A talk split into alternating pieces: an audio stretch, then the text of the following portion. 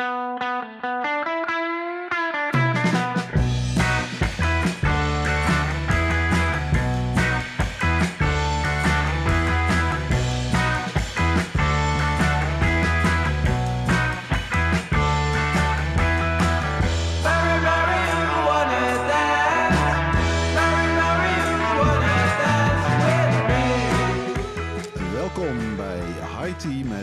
en Rens, een podcast over cannabis en alles wat met deze wonderbaarlijke plant te maken heeft.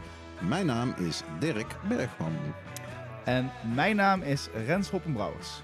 Deze aflevering wordt mede mogelijk gemaakt door Dutch Passion, marktleiders op het gebied van innovatieve en klassieke cannabiszaden, verkrijgbaar op www.dutchpassion.com. Wij hebben opnieuw een bijzondere gast weten te strikken om zijn kennis en ervaring met ons en met jullie, onze luisteraars, te delen. Roger van Grow Shop Organic Earth in Maastricht. Van harte welkom, Roger.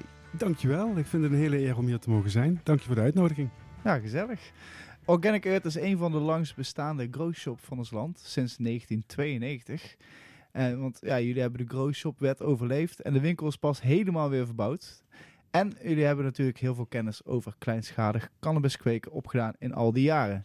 Daar gaan we natuurlijk dus eh, uitgebreid over hebben. Dadelijk over thuisteelt, zowel binnen als buiten. Veel gemaakte fouten, kweektips voor elke stap in het kweekproces van zaadje tot de eerste joint van je zelf gekweekte wiet.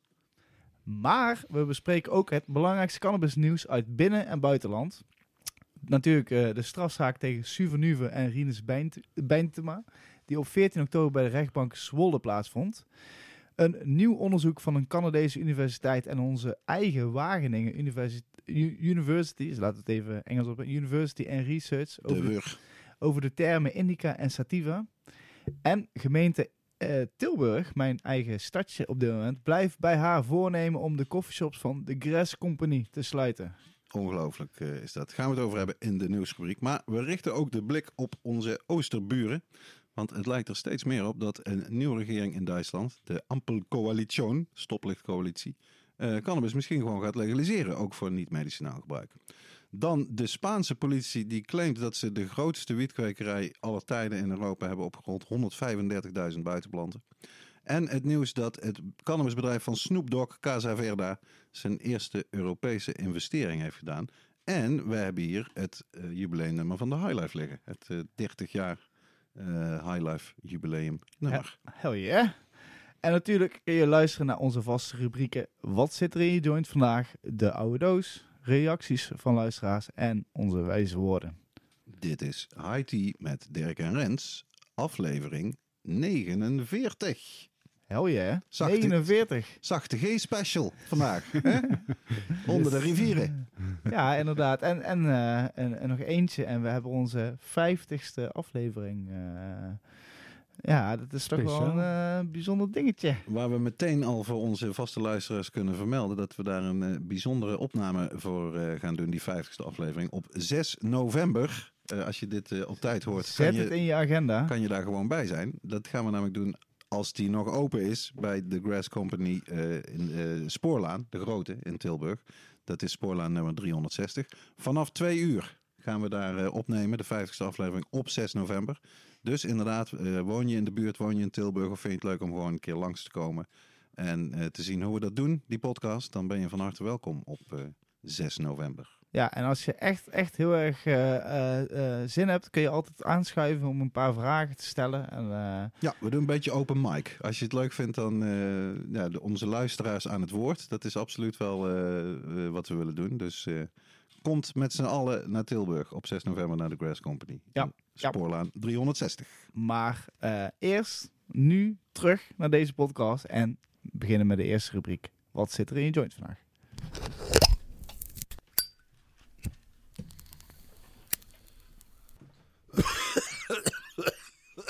Wat zit er in jouw joint vandaag? En laten we bij Roger beginnen. Eh, wat zit er in jouw joint vandaag? Nou, ondanks dat ik een growshop heb, rook ik heel graag hash. En eh, gelukkig komt er steeds meer hele goede Nederlandse hash eh, op de markt. En eh, eh, een, een, een goede kennis van me heeft een, iets heel moois weten te maken van eh Band-Aid Haze. Ah. Een ouderwetse oldschool haze en daar dan eh, eh, eh, eh, hash uitgehaald. Heerlijk. Een heel mooi plaatje zie ik liggen. Mooi dun. Ja, heel, heel dun. En, Ja. en bijna Marokkaans van kleur, zou ik zeggen. Het heeft ook een beetje een Marokkaanse smaak, toch wel. Eh, Oké. Ja. Interessant. En is, is, het door de, door de warme flesmethode zo klein en bruin en zo plat geworden? Of als Warme flesmethode. de warme flesmethode? Nou, dit is een, een, een, techniek die, die volgens mij Francie Canoli eh, heeft, in ieder geval heeft, heeft Publiekelijk ja, gemaakt. publiekelijk gemaakt. Het is Wijnfles dan. gewoon, je hebt je geklopte of je, je, je, je pollen, je harspollen Ah. die je via of ijsgeleten of via kloppen bij elkaar hebt gekregen. Tenminste, ik, ik ben geen expert, maar hoe ik het een beetje in mijn hoofd heb. Uiteindelijk dat, dat wordt bij elkaar opgevangen in een, heb je, doe je dat in, in, een- in, een- in een zakje of op een bepaalde manier. En dan ga je daar met een fles met warm Mm. water of met kokend water, of in ieder geval heet water, Overheen rollen. overheen rollen. Ja, ja, en door de druk en de warmte eh, springen de olie naar boven. ja, springen die oliezakjes en krijg je echt zo'n bruine eh, kleur die je dus ook normaal gewend bent van echt Marokkaans hash en dergelijke.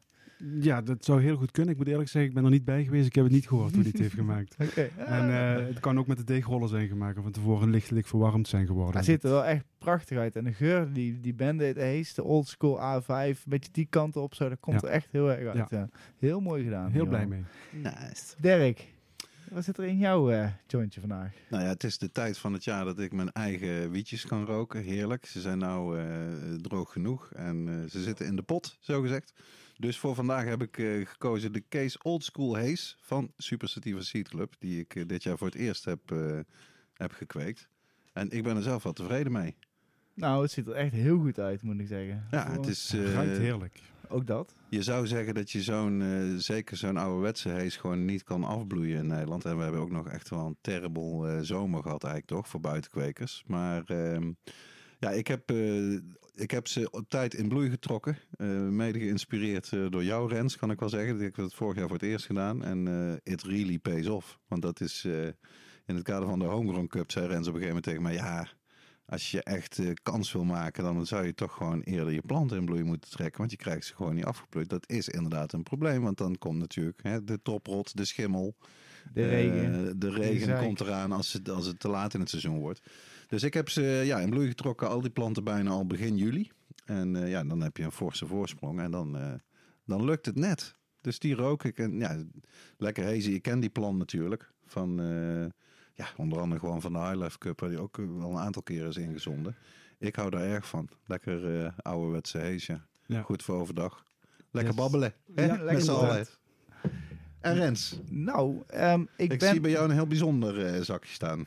Ik ben mijn... mijn, mijn eh, hoe noemde je het net? My little pony.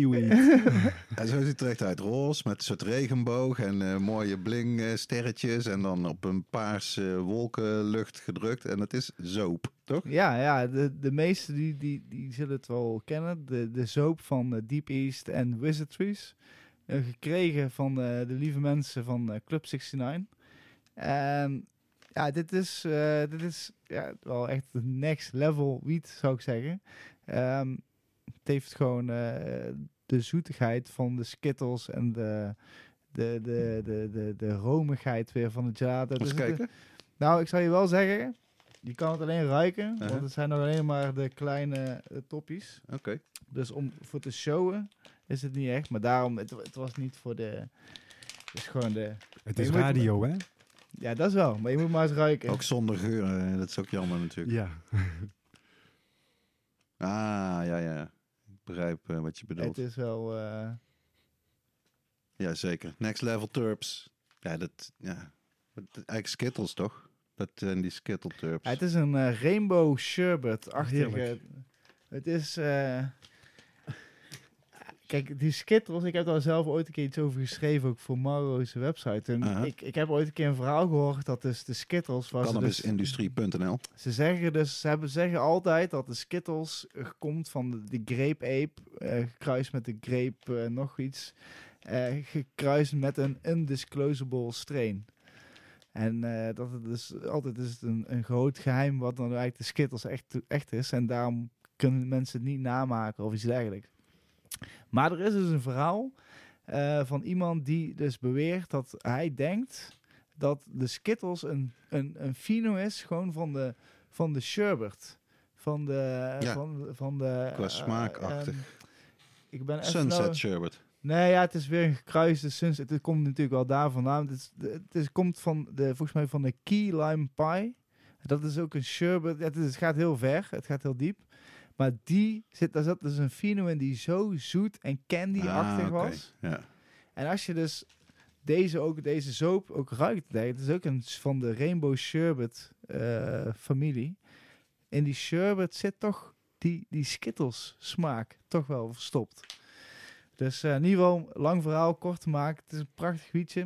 Maar word je er ook lekker stoned van, Rens? Ja, je, je moet oppassen zelfs. Oké, je is moet rustig wel, aan doen. ik doe rustig aan. Ik neem af en toe Het is als met. Red Bull. Je moet het niet overdrijven. zeg Nee, maar. je moet rustig het eh, minimaliseren. En maar wel optimaliseren van hoe je ervan geniet. En microdoseren. Ja, eigenlijk wel. Oké, Ja, nou ja, in ieder geval eh hiermee gaan we lekker beginnen. En eh komen gaan we de naar het podcast nieuws, wel, eh, denk ik. Hè? Ja, laten we dat maar eens doen.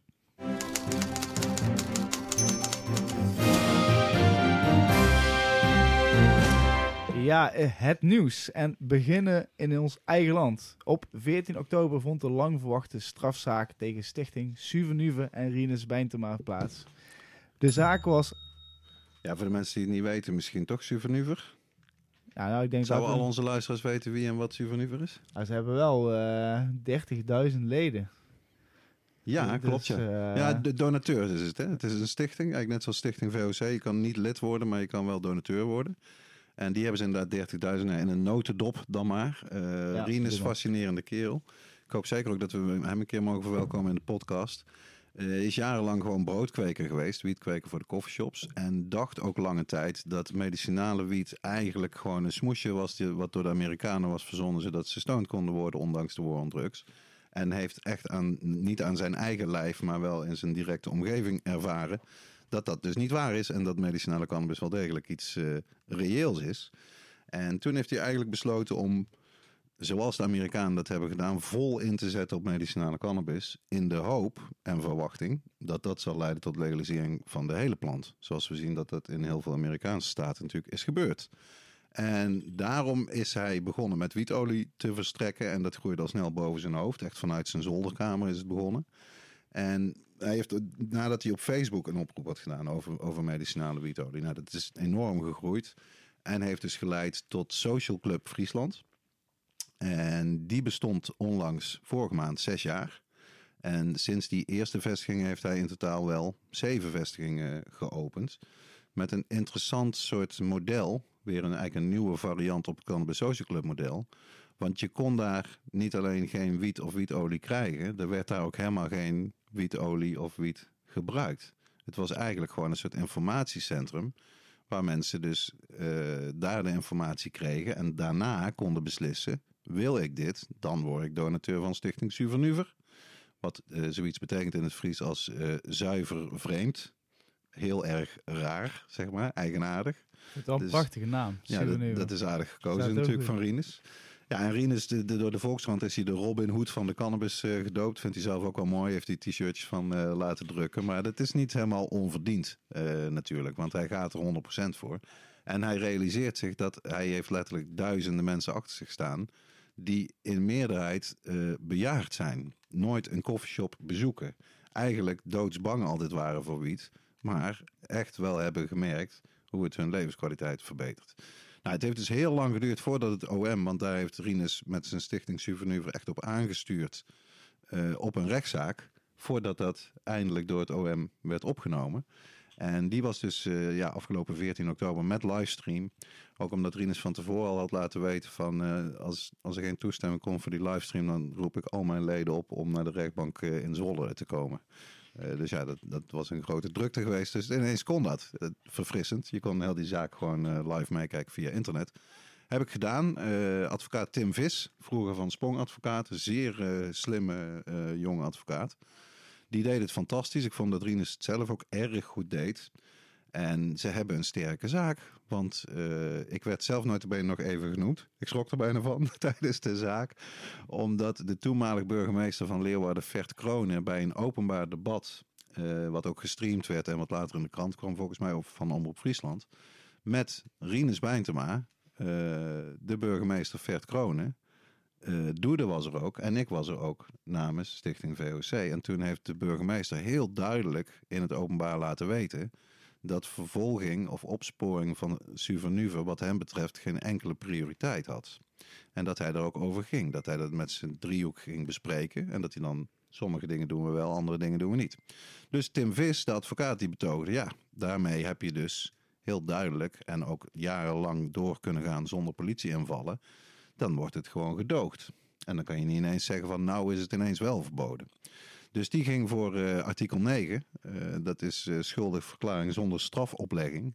En wat het OM eiste, dat is dus in feite als je kijkt naar de hoeveelheid wietolie waar het om gaat. Want van die 30.000 mensen gelden er ongeveer de helft, 15 à 16.000 als regelmatige afnemers van die wietolie. Dus dat is een shitload of wietolie.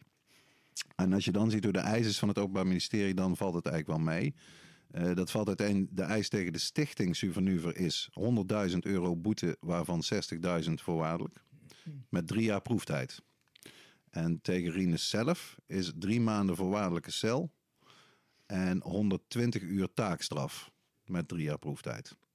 En het idee van die proeftijd is natuurlijk dat, dat ze dan hopen dat hij drie jaar lang niks gaat doen meer met wietolie, omdat hij dan 120 uur moet schoffelen.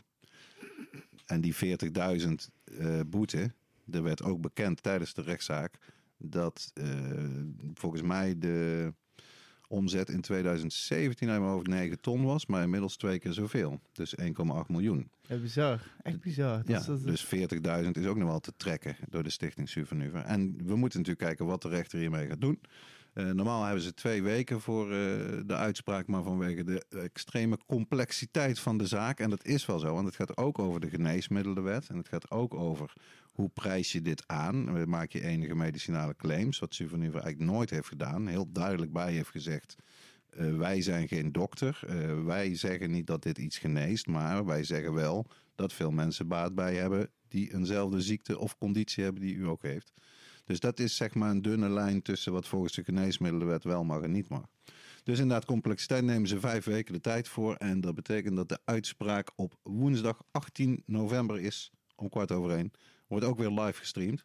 En dat is wel super interessant. Want stel dat die rechter inderdaad zegt van nou, ik zie dat dit vooral goed is voor de maatschappij en voor eh, de donateurs.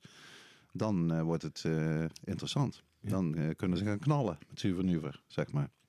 Dus ja, spannend. 18 november, uitspraak. Nee, ik moet wel zeggen, laat ik er voorop stellen dat ik enorm veel respect wel heb voor Rinus. En ik heb ook een deel van die rechtszaak zitten kijken. En Ja. ik dacht ook wel van wauw, ze hebben zo'n sterk verhaal. Absoluut. Alleen waar ik dus wel echt bang voor ben, dat het gewoon dat, dat het uitkomt op van dat zij als rechter, dat zij niet eh, de wet mogen eh, tarten en dat zij daar niet eh, verantwoordelijk voor zijn. Dat zij gewoon puur de wet moeten volgen en zo daarna moeten ja, straffen. zo gaat het meestal. Dat klopt. Ja, ik kreeg op een gegeven moment, ik, doe, ik, ik, ik zat er helemaal in en ik kreeg ook een zo'n fijn gevoel. En ik denk, nou, dit is gewoon ook, ook die, die brieven van, van, van eigenlijk klanten of Ja, eigenlijk ja, afnemers. Afnemers.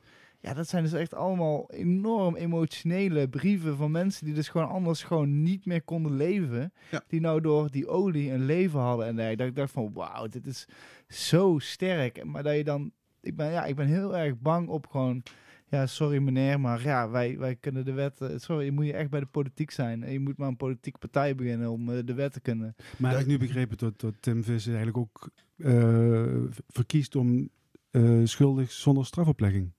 Nou, voor een aantal punten in de ten lastelegging eist hij dan eh, niet ontvankelijkheid door het OM. Dat is dat eigenlijk dat gedoogverhaal. Dat hij, dat hij uitlegt van, joh, dit is gewoon gedoogd. Dus je kan dat op een gegeven moment niet meer zeggen dat het dan ineens wel wordt vervolgd. Maar voor een deel doet hij volgens mij wel dat. Omdat je, kijk, Rinus zelf heeft, heeft heel duidelijk ook weer in die rechtszaak, maar altijd ook in de media gezegd. Ja, dit, wij overtreden hiermee formeel de wet. Maar daarom vinden we dat de wet moet veranderen, want dat is nou niet goed. Dus ja, dan kan je niet volhouden dat hij niet wist dat hij iets verkeerd deed of zoiets. Dus daarom heb je volgens mij dan als advocaat ook geen andere mogelijkheid dan te zeggen voor dat specifieke deel zeggen we dan schuldig verklaring, maar zonder strafoplegging. Dat is wat Doede natuurlijk heeft gehad.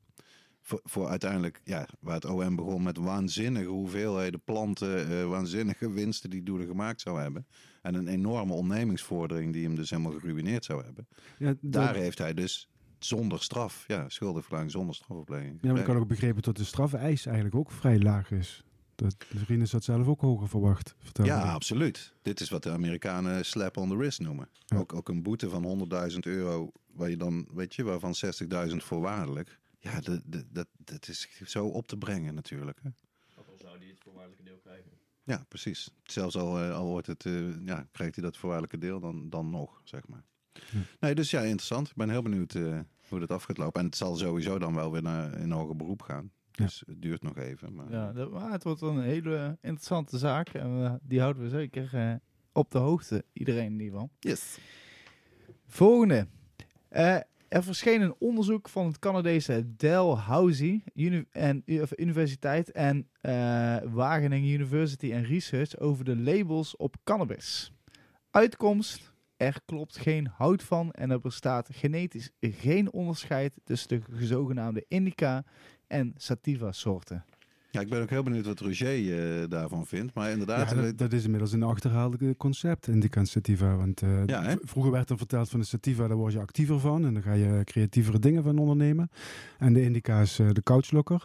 Maar inmiddels is er zoveel over bekend. Ja, je hebt echt de Indica's die, als je ze op het juiste moment oogst, echt wel heel erg activerend zijn.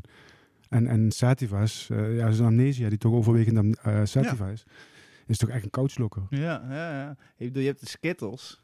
Dat is een indica, maar dan word je zeer creatief en eh ja, zie je, ik dacht dus heel dat het een. Sativa was, omdat hij inderdaad ook een activerende... Maar En- dit gaat om de terpenen die erin zitten. Hè? Het zijn de, de terpenenformule ja. die de, bepaalt wat, hoe de werking is. Ja, wel, ik vind het, ik vind het zeer, zelf persoonlijk ook een interessante kwestie. Omdat ik natuurlijk samen met Mauro eh, ook eh, een, canna- een Cannabis Cup organiseer. En we proberen altijd eh, de categorieën zo eh, eerlijk mogelijk eh, op te delen. En we hebben al vaker natuurlijk, wij, wij, wij hebben hier al, Dirk kan het weten, we hebben hier al denk ik al een paar jaar een discussie over. Van ja, eigenlijk kunnen we het niet meer indica en sativa noemen. Maar ja, hoe kunnen we het anders Maar- beter klassifi- klassificeren? Ik bedoel, Ja, dat is heel in de moeilijk. weken, ja, maar je kan dus... Ja, daarom, ik, heb hier, ik heb hier het persbericht. Want dit zijn dus die twee universiteiten, maar samen met Bedrocan hebben ze dit eh, onderzoek gedaan. Dus eigenlijk, ik vind het ook best gek. Dat, tot nu toe heb ik er althans niks over in Nederlandse media eh, gelezen. Terwijl, ja, het is twee derde van het onderzoek zijn dus Nederlanders. Hmm. En dan zeggen ze, eh even kijken. Cannabis is unlike other valuable crops in that its naming conventions are highly unreliable. For patients consuming cannabis as a medicine, this is particularly concerning. Eh, en dat is dan Robin van Velzen van de Wageningen eh, Universiteit. Die ook werkt voor Bedokan. Dat is natuurlijk waar. Als het, als het voor medicinaal is, dan moet je echt zeker weten welke strain je te pakken hebt. Dat is nog even anders voor de, ja, voor de recreatief gebruik van cannabis natuurlijk. En in het persbericht schrijven ze verder. The terms indica and sativa are often applied to cannabis and are widely believed to be associated with distinct aromas and psychoactive effects. By analyzing the genetic and chemical makeups of hundreds of cannabis samples, the researchers demonstrated these labels are poor predictors of a sample's genetics and chemistry. Dus ja, wat jij in het begin al zei, dat, dit weten we eigenlijk al, al een tijd langer. Maar wat, wat wel grappig is, is dat dus in algemene zin klopt dat niet. Maar, die heb ik ook geel gemaakt in het persbericht. Uh, they did find a weak signal in the data, suggesting the sativa indica distinction may be driven by a small number of aromatic compounds called terpenes. Inderdaad, terpenen. En dan zeggen ze cannabis strains labeled as sativa had higher concentrations of terpenes that have tea-like and fruity aromas. Dus inderdaad, lemonade noemen ze hem op. While indica samples generally had higher concentrations of terpenes that smell earthy. Ja, piney, inderdaad. Dus dat dennige, dat Ja. mossige, dat aardige, Klopt wel, zoals de aarde. soms. Daarvan is, kan je, je kan het dus Ja, positief er, er wordt nu uitleggen. zoveel gekruist dat het, dat het ook niet meer uitmaakt. Het is praktisch allemaal hybrid, Ja. eigenlijk, ja. Maar inderdaad, als je competitie gaat organiseren, een cup, en je hebt dan een, een, een, een echte lekkere A5 naast een, naast een mooie eh, eh, echte OG, ja, die kun je helemaal niet met elkaar vergelijken. Dat zijn twee verschillende dingen. En ja, dan zou ik niet kunnen zeggen van welke nou de eerste prijs zou moeten gaan krijgen. Dat Nou ja, het interessante is dat je hier ook die, die- de parallel met wijn kan je toch voor een groot deel wel trekken. Een hoop verschillende druivensoorten, een hoop verschillende manieren van verwerking naar een wijn. Ja, is een Pinot Noir dan beter dan een Cabernet Sauvignon? Dat weet ik niet. Ik denk dat er uiteindelijk wel wordt gekozen. Ja, dit is gewoon de lekkerste wijn, toch? Van dit jaar. Het is gewoon smaakbepalend. Het blijft ook altijd subjectief ja. inderdaad. Ja, ja, ja. Nou ja, ik, ik, ik denk persoonlijk inderdaad dat eh, de, het komt uiteindelijk is het allemaal begonnen uit windrichtingen, landrassen. Die, die, die, ik denk dat de sativa meer uit Mexico en Colombia kwamen, Ja. dat de indica's meer uit Afghanistan en, eh, en, en. India kwamen. Dat, tenminste, zo zie ik het. Ik denk dat het allemaal Nou, niet India. Het is dicht bij de Evenaar, of niet dicht bij de Evenaar. Dat is volgens mij het belangrijkste verschil. Indica is inderdaad, komt uit de bergen, Ja. uit de Kush, uit Nepal, uit Afghanistan. dicht bij de Evenaar. Nee, ver, ver weg. Dicht bij de Evenaar zit je meer bij de zon en heb je meer sativa Thailand, soort. Jamaica, Ah, Zuid-India. Colombia. Ja, Afrikaanse wiet. Afrikaans. Nee, maar ja, je ziet ook in, de, in, natuurlijk in een blad dunne vingers en brede vingers. Ja. Eh, dat, Ook natuurlijk dat de- schijnt de- eh, weer niet te corresponderen. Dit- Het is natuurlijk, je kan het wel het verschil maken. Je kan het zien namelijk. Maar het is niet zo dat brede vingers betekent altijd indica. Het is echt in die zin super verwarrend. Maar zo toch? kun je wel bedenken van, oké, die sativa's, die dunne, die hadden al genoeg zon. Die hoefden niet zoveel zon. Die moesten juist meer wind en dingen Hmm. tussen de vingers hebben. En de indica's hadden Hmm. meer blad, omdat ze minder zon hadden. Dus ze moesten meer hun best doen om zoveel mogelijk zonneuurtjes op een blad te krijgen. Nou, de, de indica's staan hoog in de bergen, dus je zit dichter bij de zon als het ware. Ja, die zon klopt. brandt er harder op in. Ja. Zou je eigenlijk zeggen dat die juist donnere bladeren moet gaan krijgen? Ja, dat is wel fascinerende... Eh, ik denk dat we nog een Luisteraar, als jij hebben, hier een eh, interessante eh, gedachte over Ja, hebt, precies. Wat vinden Deel- jullie van de indica sativa debate? Ja, hoe Ja. kunnen wij het in ieder geval, ja, eigenlijk precies hoe jij het zegt, als jij een oude Mexican Haze of een OJ Koes langs elkaar hebt. Kijk, daarom hebben wij voor als de Homegrown Cup nog steeds gekozen om die ene bij de Sativa te doen en die andere bij de Indica. En dat je Mhm. toch, je hebt, je hebt toch een soort van ander speelveld. Ja. En, en je, je hebt ook andere verwachtingen als je zo'n categorie Maar eigenlijk, ingaat. eigenlijk spreekt het onderzoek zichzelf ook wel tegen. Ze zeggen van de ene kant er is geen verschil tussen indica en sativa. Van de andere kant zeggen ze van bij de indica soorten wordt meer... Nou, dit is genuanceerd, hè? Ze zeggen, Ah, is dirty. scherp. Ze zeggen, while the researchers demonstrated contemporary cannabis labeling poorly describes the genetics and chemistry of samples overall, over het algemeen, they did find a weak signal in the data, dus ook nog een zwakke eh, ja, verband, suggesting the sativa indica distinction may be driven by a small number of aromatic compounds called terpenes. Dus de, Maar waar is- hebben ze het onderzoek eigenlijk uitgevoerd? Je zegt twee derde Nederlandse eh, achtergrond, maar hier is niet zoveel labeling in Nederland. Nee, dus ik denk dat ze het eigenlijk vooral in eh, Canada hebben gedaan. Ja. Die, die Dalhousie University. En wat ze dan constateren is dat de labels niet kloppen. Eh, ja, labels in de zin van namen. En dat het Alleen gewoon namen. nergens op slaat, Ja. waarschijnlijk. Ja. Ja.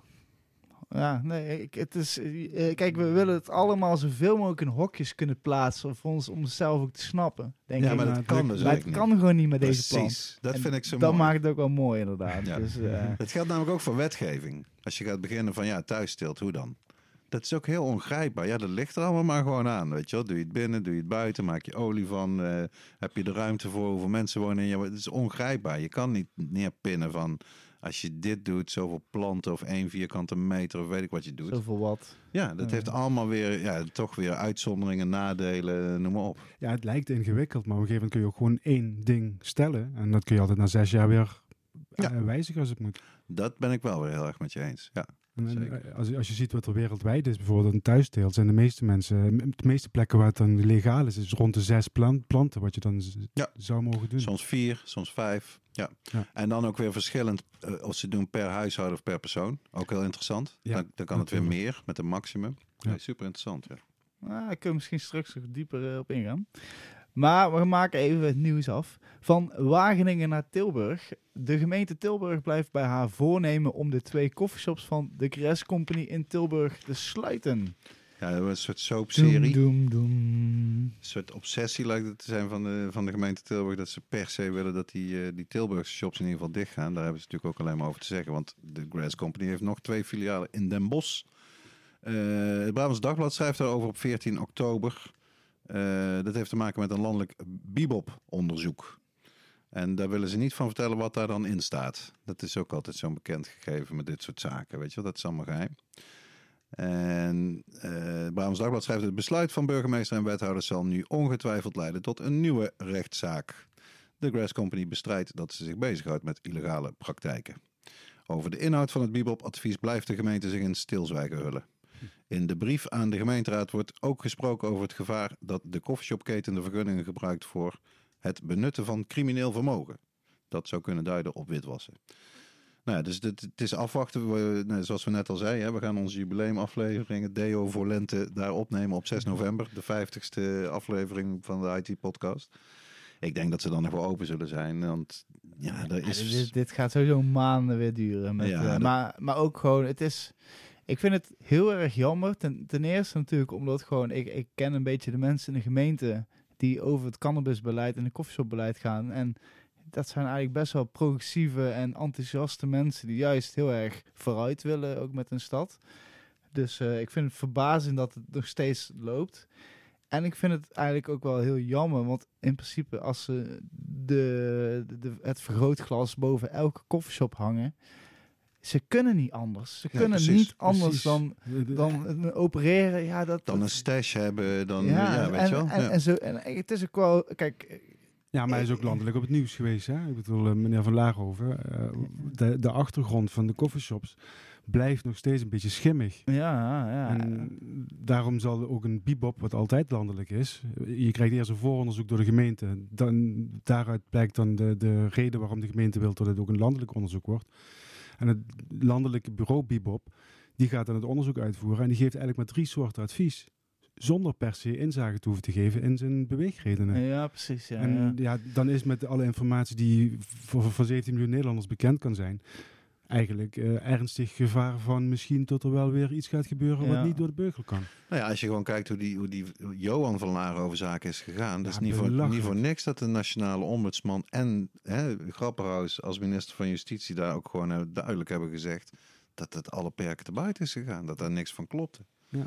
En Ja. kijk, ik kan niet eh, in de boeken kijken van de Grass Company, maar ik, het lijkt mij onderhand gek, omdat ze al zo lang onder het vergrootglas liggen, zoveel grote invallen hebben gehad. Ik herinner me één grote actie tegen de Grass Company, 350 ambtenaren. ja, ja. Leger, Gewoon politie, alles, brandweer, eh, al- allerlei types. Ja, Ja, precies. Het is nu een Het- beetje het lijkt een belachelijk beetje- om met dat Bibop-advies aan te komen. Ze moeten gewoon normaal doen. Het zijn gewoon ondernemers. ja, lijkt mij wel. Ja. Of ze moeten dan op tafel leggen wat het probleem is. Nou, weet je, wel, na weet je wat jaren. ik denk dat het gewoon het grote probleem is? Denk ik dat hun, hun of niet wel hun, zeg ik dan de Grass. Company. Ah, Oké. eh, die hebben wel echt een van de mooiste locaties aller tijden. Ja, tuurlijk. Ja. Recht tegenover het station. Gewoon, Ja, gewoon het, is niet te missen. Het is een hartstikke mooi pand. Groot. Daarom vind ik het zelf ook enorm En- eervol dat wij daar mogen gaan Ja, zitten ja, voor onze jubileumaflevering. Want inderdaad, het is gewoon echt een van de grootste en mooiste coffeeshops van het land. Met heerlijk eten. Ja man, à la carte. Geen gelul. Nee, gewoon. Zuiver spul. Ja, dus eh, nee, ik denk dat ze gewoon too much in, de, in, in het oog zitten eh, van de gemeente. Dat ze er altijd langs lopen. en Dat ze Ja, denken, nou, dat kan kunnen. eigenlijk niet. Er staat ook wel gewoon in het Brabants Dagblad stuk dat het de drukste coffeeshop van Tilburg natuurlijk is. Ja, en dat, dat moet ik wel, dat, dat heb ik wel, eh, dat heb ik nog een tweetje eronder gezet. Ik denk Vind- van niet? Ja, dat vind ik, nou, ze hebben zeggen, ze stellen twee keer dat Hm. de Grass Company is de drukste koffieshop van Tilburg. Nou, ten eerste, waar, waar Wie houdt ze... dat bij? Ja, waar hebben Ja, ze ja. die cijfers van? Ten dat eerste. klopt. Ten tweede, ik durf echt 100% e- dat eh, de, de, met, ik, ik weet het niet 100% zeker zelf, maar 99% zeker. de Grass Company heeft heel veel problemen gehad eh, doordat ze die eh, weg daarvoor één Aha. richtingsbaan hebben gemaakt. Ah, en ook die parkeerplaats die daar tegenover zat, is daar weggehaald. Dus ze Hmm. hebben en eh, een, een helft van verkeersstroom en je moet dus echt helemaal door de stad, wil je daar zien te komen. En je hebt geen plek meer om je auto of iets te kunnen parkeren. Dus je Oké, kan daar niet. helemaal niet stoppen. Maar ik Dus, heb geen eh, auto. Nee, dus ik denk dat ze... Vanaf het station eh, is het nog steeds goed te doen hoor, als je met de trein komt. Ja, eh, ja, nee, maar het is Ja. voor de rest, Ja. vind ik het, ja, ik vind het, het is Even een, linksaf, het is een geweldig, een geweldig paar shop. honderd meter. Maar goed, we, Laten we hopen dat het overwaait. Ja, Ja. en eh, ja, inderdaad, voor alle luisteraars, 2 uur 6 november, wees erbij. Beter nieuws, of tenminste hoopgevend nieuws. De kans dat, er een nieuw, dat een nieuw Duitse regering cannabis voor niet-medicinaal gebruik gaat legaliseren lijkt groter te worden. Hoe zit dat, Dirk? Ja, eh, ik heb mijn column vandaag over geschreven, mijn wekelijkse column op CNNBS met eh, ja, toch een maar in, in vraagtekenvorm. Eh, gaat Duitsland ook niet medicinale cannabis legaliseren? En ik begin eigenlijk die column met uit te leggen dat het een vreemd verschijnsel is dat iedereen bijna in Nederland, gemelde Nederlander, weet precies over de Amerikaanse verkiezingen en over Biden en over Trump. Maar wat in Duitsland gebeurt, hè, onze grote oosterbuur, we hebben geen idee. Ja, Merkel, daar hebben we dan van gehoord, maar verder niks. Klopt. Dus ja. op 25 september zijn de Duitsers naar de stembus gegaan en hebben ja, een grote klap gegeven aan de partij van Merkel. En hebben het zo gemanoeuvreerd dat de liberale FDP, die heel klein is, dat is zeg maar onze VVD, is het vergelijkbaar mee, conservatief-liberaal. Die spelen daar normaal niet zo'n rol, maar die zijn nou eigenlijk de kingmaker, omdat ze, zij zijn nodig voor een drie-partijencoalitie. En dat zijn ze eigenlijk helemaal niet gewend in Duitsland. En waar het nu op afkoerst, die zijn al heel ver met hun formatie, dat doen ze een stuk sneller dan in Nederland. Dat is wat dan in het Duits de Ampelcoalition heet. De stoplichtcoalitie vanwege de drie kleuren van de partijen. SPD, zeg maar onze Partij van de Arbeid rood. eh, geel voor eh, de FDP, de liberalen. En groen natuurlijk voor die groenen. Ofwel, de Rasta. Red, yellow en green. Dus ik vind, toevallig. schrijf ik ook in... Ja, dat kan geen toeval zijn. dus, ze moeten dat helemaal niet Ampelcoalition. Ze moeten natuurlijk de Rasta-coalition gaan noemen. Want die willen inderdaad, dat is wat heel opmerkelijk is.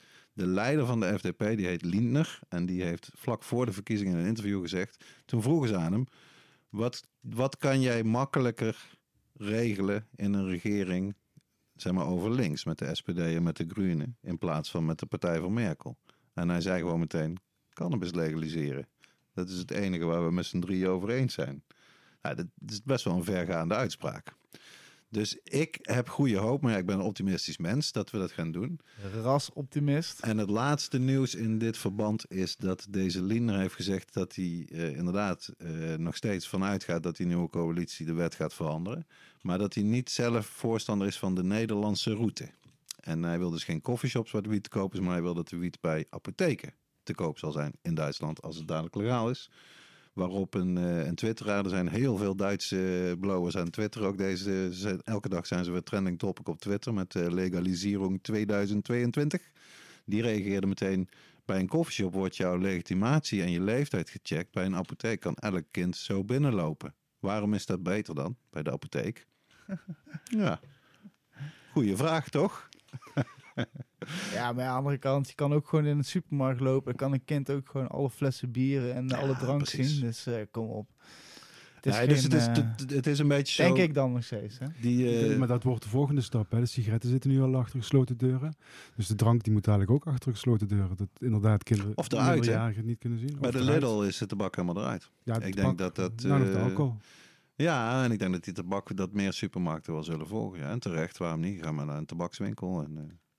Maar het lijkt echt op beweging. En eh, eh, wat wel grappig is, is dat de Spiegel, wat, wat toch een rechtsconservatief eh, weekblad is, kan je zeggen, uit Duitsland, pakt deze week uit met een groot coververhaal over Nederland, maffia, paradijs vanwege laks drugsbeleid. Met weer, toen ik hem zag, dacht ik meteen, hè? Is dat nou dezelfde cartoon als uit de jaren negentig? Nou, dat kan je ook naast elkaar zetten. Van vrouw Antje, weet je wel, het Hollandse kaasmeisje. Oh ja, die. maar dan ja. met een dikke joint en weet ik veel wat.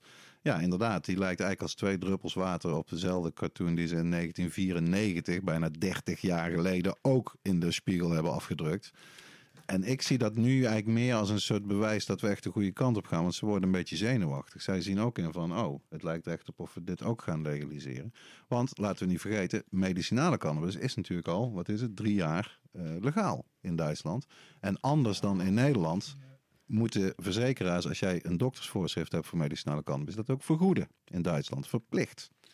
Vergelijk dat eens met ons eigen landje, waar geen enkele zorgverzekeraar op geen enkele manier medicinale cannabis meer vergoedt, waar ze dat vroeger wel deden. Dus daar heeft Duitsland ons al ingehaald, kunnen we constateren, qua medicinaal. En eh, wie weet gaan ze dat nou ook voor adult use doen. Maar ook als, als Duitsland gaat legaliseren, damn. Dat is toch wel een van de grootste landen van Europa wat meteen omgaat, toch? Dan gaan wij mee. Dat kan niet anders. 80 miljoen inwoners zijn dat. Ja. Duitsland. Zo, wat een markt is dat ook, joh. Ongelooflijk. Ja, dat is echt... eh, Ja, dat heeft Snoop ook eh, begrepen. Hè? Daar komen we dadelijk nog op in de nieuwsbrief. Ondanks, weet je, ondanks dat er zo vaak dat je tegengewerkt wordt en dat het altijd zo'n rommeltje en dat het zo'n taboe nog op heerst, is het toch wel zo leuk om in deze cannabisindustrie eh, actief te zijn. Omdat je toch wel inderdaad bijna elke dag zulke nieuwtjes eh, komen. In ieder geval de laatste drie, vier jaar is het wel echt, gaat het steeds... Ja, en Duitsland is, toch, is Duitsland is in zekere zin de jackpot. Als je nou één land zou kunnen noemen wat belangrijk is voor Nederland en waar wij kunnen volgen, dan is het toch echt wel Duitsland. Wij zijn eigenlijk natuurlijk gewoon de zeventiende deelstaat van, eh, van Duitsland. En ook nog wel de moeite waard in dit verband is dat er is een jeugdrechter uit eh, Duitsland, Richter Müller. Eh, die is zelf trending topic met gewoon hashtag Richter Müller. Want hij is een jeugdrechter die 100% voor legalisering is. Heel serieuze kerel, serieuze uitstraling. Die perfect kan vertellen in eh, goed Duits. Waarom het zo ontzettend dom is om cannabis te verbieden. En waarom alles beter wordt als je het legaliseert. En die komt gewoon bij de grote nationale tv-zenders en de grote tijdschriften, noem maar op. Dus eh, dat is de nieuwe ster aan het uh, legaliseringsfirmament, zou je kunnen zeggen in Duitsland. Dus ja, dat is zeker de moeite waard om bij te houden. En via Twitter kan het echt heel makkelijk. Hashtag uh, Wir sind kein Kriminellen is volgens mij vandaag trending. Oké. ah ja. In ieder geval, uh, super. En uh, nu door naar Spanje. De Spaanse politie zegt dat ze de grootste wietkwekerij van Europa hebben opgehold. Met 135.000 planten. Wat vind jij daarvan, Dirk? Of, uh... ja, mijn uh, grote vriend Joop Mestrom heeft daar op CNMBS een, uh, een aardig verhaal over geschreven. Met ook de beelden erbij. Dus ga naar de website als je dat wil zien. 135.000 buitenplanten. Zijn kop is Spaanse massamoord op 135.000 wietplanten. uh, die operatie heette Operación Safari. En uh, die velden bevonden zich in Huerta de Val de Carabaños in de Spaanse provincie Toledo. En het verhaal is um, dat ze hadden gezegd dat het gewoon vezel aan de pas. minder dan 1% of nee, minder dan 0,2% THC. En daar hadden ze ook een vergunning voor, hè? Daar hadden ze een vergunning voor. En uh, toen bleek dat het toch gewoon, uh, ja, dan hebben ze toch een flink onderzoek moeten verrichten voordat ze dan daarachter waren. 12 hectare. Dat is echt wel uh, ja, een flink veld. En ze hebben drie man gearresteerd, de Guardia Civil. Nou, doe maar. Drie man. Ja.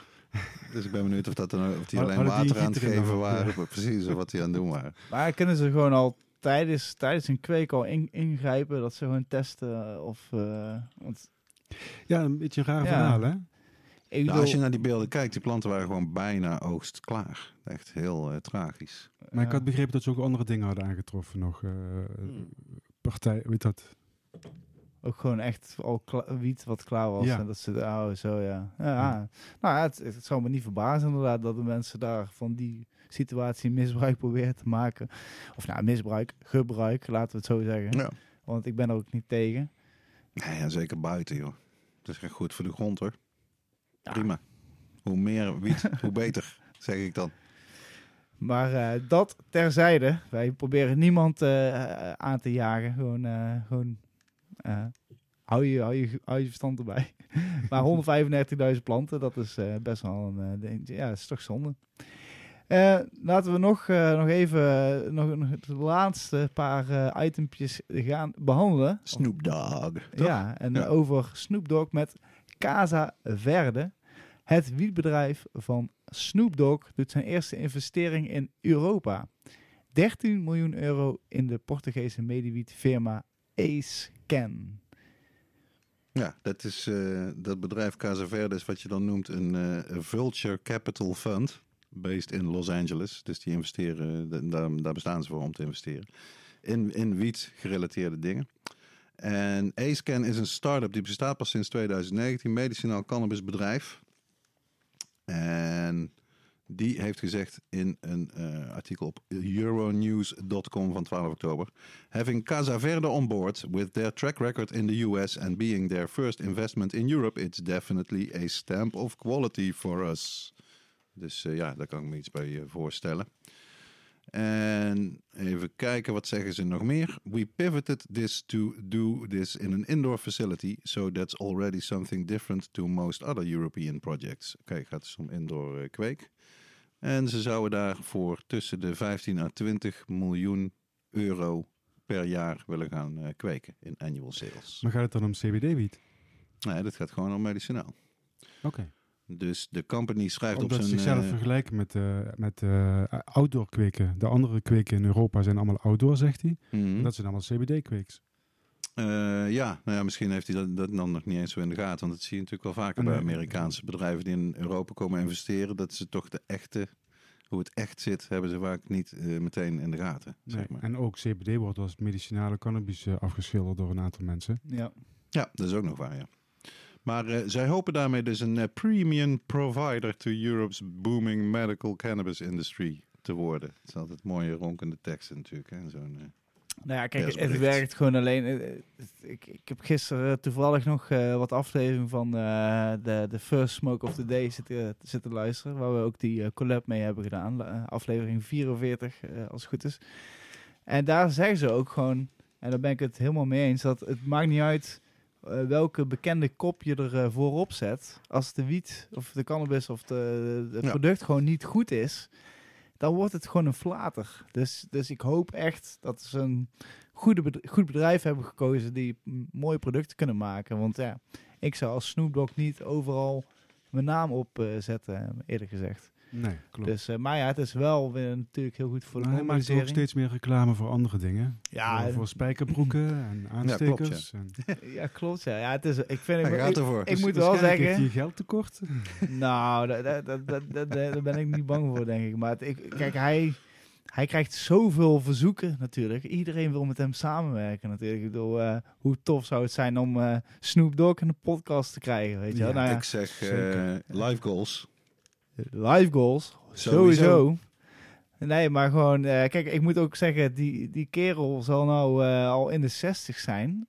Kan ik, of 50, 60 in ieder geval. Ik durf het even niet snel te zeggen. Kom zoeken op. Maar hij is nog steeds actueel. Hij is nog steeds gewoon, eh, iedereen die hem kent, die vindt hem tof. Hij is gewoon cool. Ja, niemand Absoluut. is, is echt. eh, Ik kan me niet. Ik heb nooit echt dat iemand zegt van, nou, wat een uitslover of wat een arrogant. Nee, hij is, hij is altijd, hij is altijd aardig. Hij is altijd vriendelijk. Hij inhaleert niet.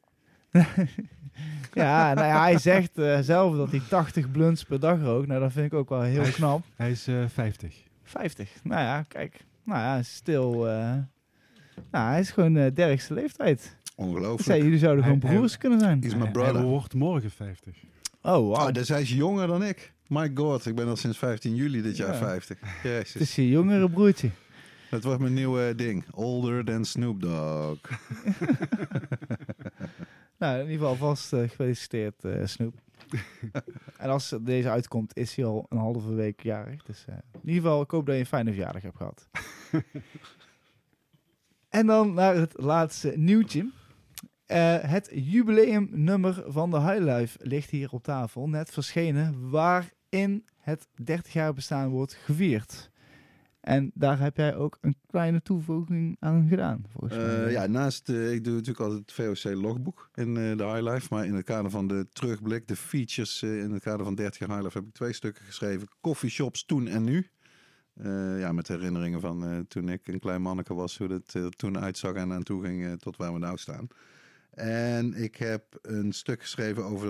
eh, oh nee, dat is niet in de terugblik. Dat gaat over eh, het rampjaar voor de buitenwiet-telers. maar verder staat erin, eh, vond ik ook heel interessant, een stuk van eh, André Bekkers over de opkomst en min of meer ondergang van de, de Highlife beurzen.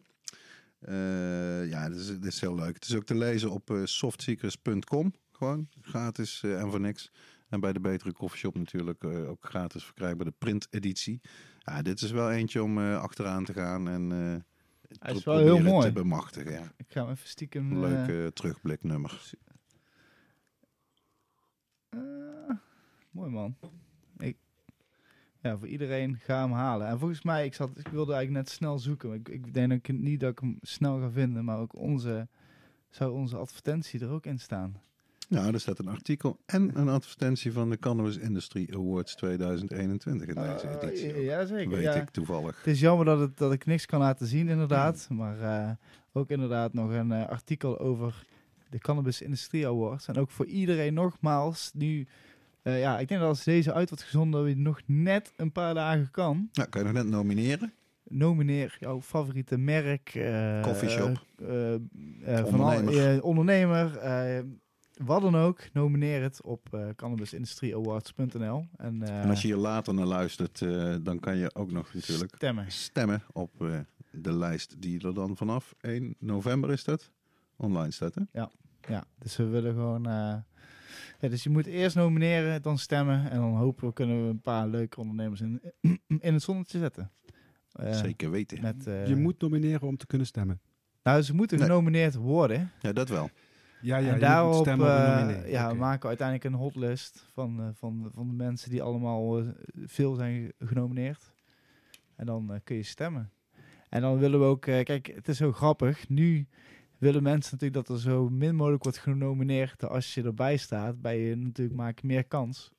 Terwijl als je dadelijk wordt gestemd, dan wil je natuurlijk dat iedereen gaat stemmen op jou. Weet wel? Dus zeker voor onze vaste luisteraars eh, in den landen, nomineer ook zeker jouw eigen favoriete koffieshop waarvan jij vindt dat die ook een prijs verdient. Zodat het niet, eh, ja, hoe, dat het beter gespreid is. Hoe beter gespreid en hoe meer mensen nomineren en stemmen, hoe, eh, hoe beter het is natuurlijk. Daarom. Dus eh, in ieder geval eh, leuke. Laten we doorgaan eh, met eh, Roger, Oké. de kopman van Organic, die hier helemaal speciaal vanuit Maastricht is heen gekomen. En ehm, ja, laten we gewoon beginnen bij het begin. Hoe ben jij opgegroeid, Roger? En hoe was je jeugd? Hoe ben je opgegroeid? En hoe... En, en ben je ook een volbloed Limburger of niet? Ik ben een eh, volbloed Limburger. Ja, zeker weten. ik kom uit, eh, uit Brunsum. En eh, eh, ehm, daar ben ik opgegroeid. Ik had een fijne jeugd. En toen ben ik gaan studeren in Maastricht. En toen ben ik eh, de cannabisindustrie ingerold. Eh, eerst allemaal stiekem dingetjes doen. Toen samen een eh growshop begonnen met iemand. Met, met twee andere mensen samen. En ehm, ja, uiteindelijk ben ik de enige die nog over is van ons drieën. Ehm, eh, al 30 jaar. Ja. Soms is het moeilijk om te zeggen van waar moet je beginnen. Maar Oh, hoe, hoe was sowieso, dat, nou, ik denk dat voor iedereen altijd, vind ik in ieder geval altijd een hele leuke vraag. Hoe, hoe, hoe was je eerste ervaring met cannabis zelf? eh, op een feestje op straat rokend, eh, een paar trekjes nemend en er niks van merken. Ja. De, de eerste paar keren dat ik een joint heb gerookt, heb ik er eh, helemaal geen, geen effect van gevoeld. Eh, dat is ja, later pas gekomen. Ja, ik, ik, ik denk dat ik het zelf ook had, inderdaad. De eerste keer dat ik cannabis rookte was met mijn zus hars op, in een park.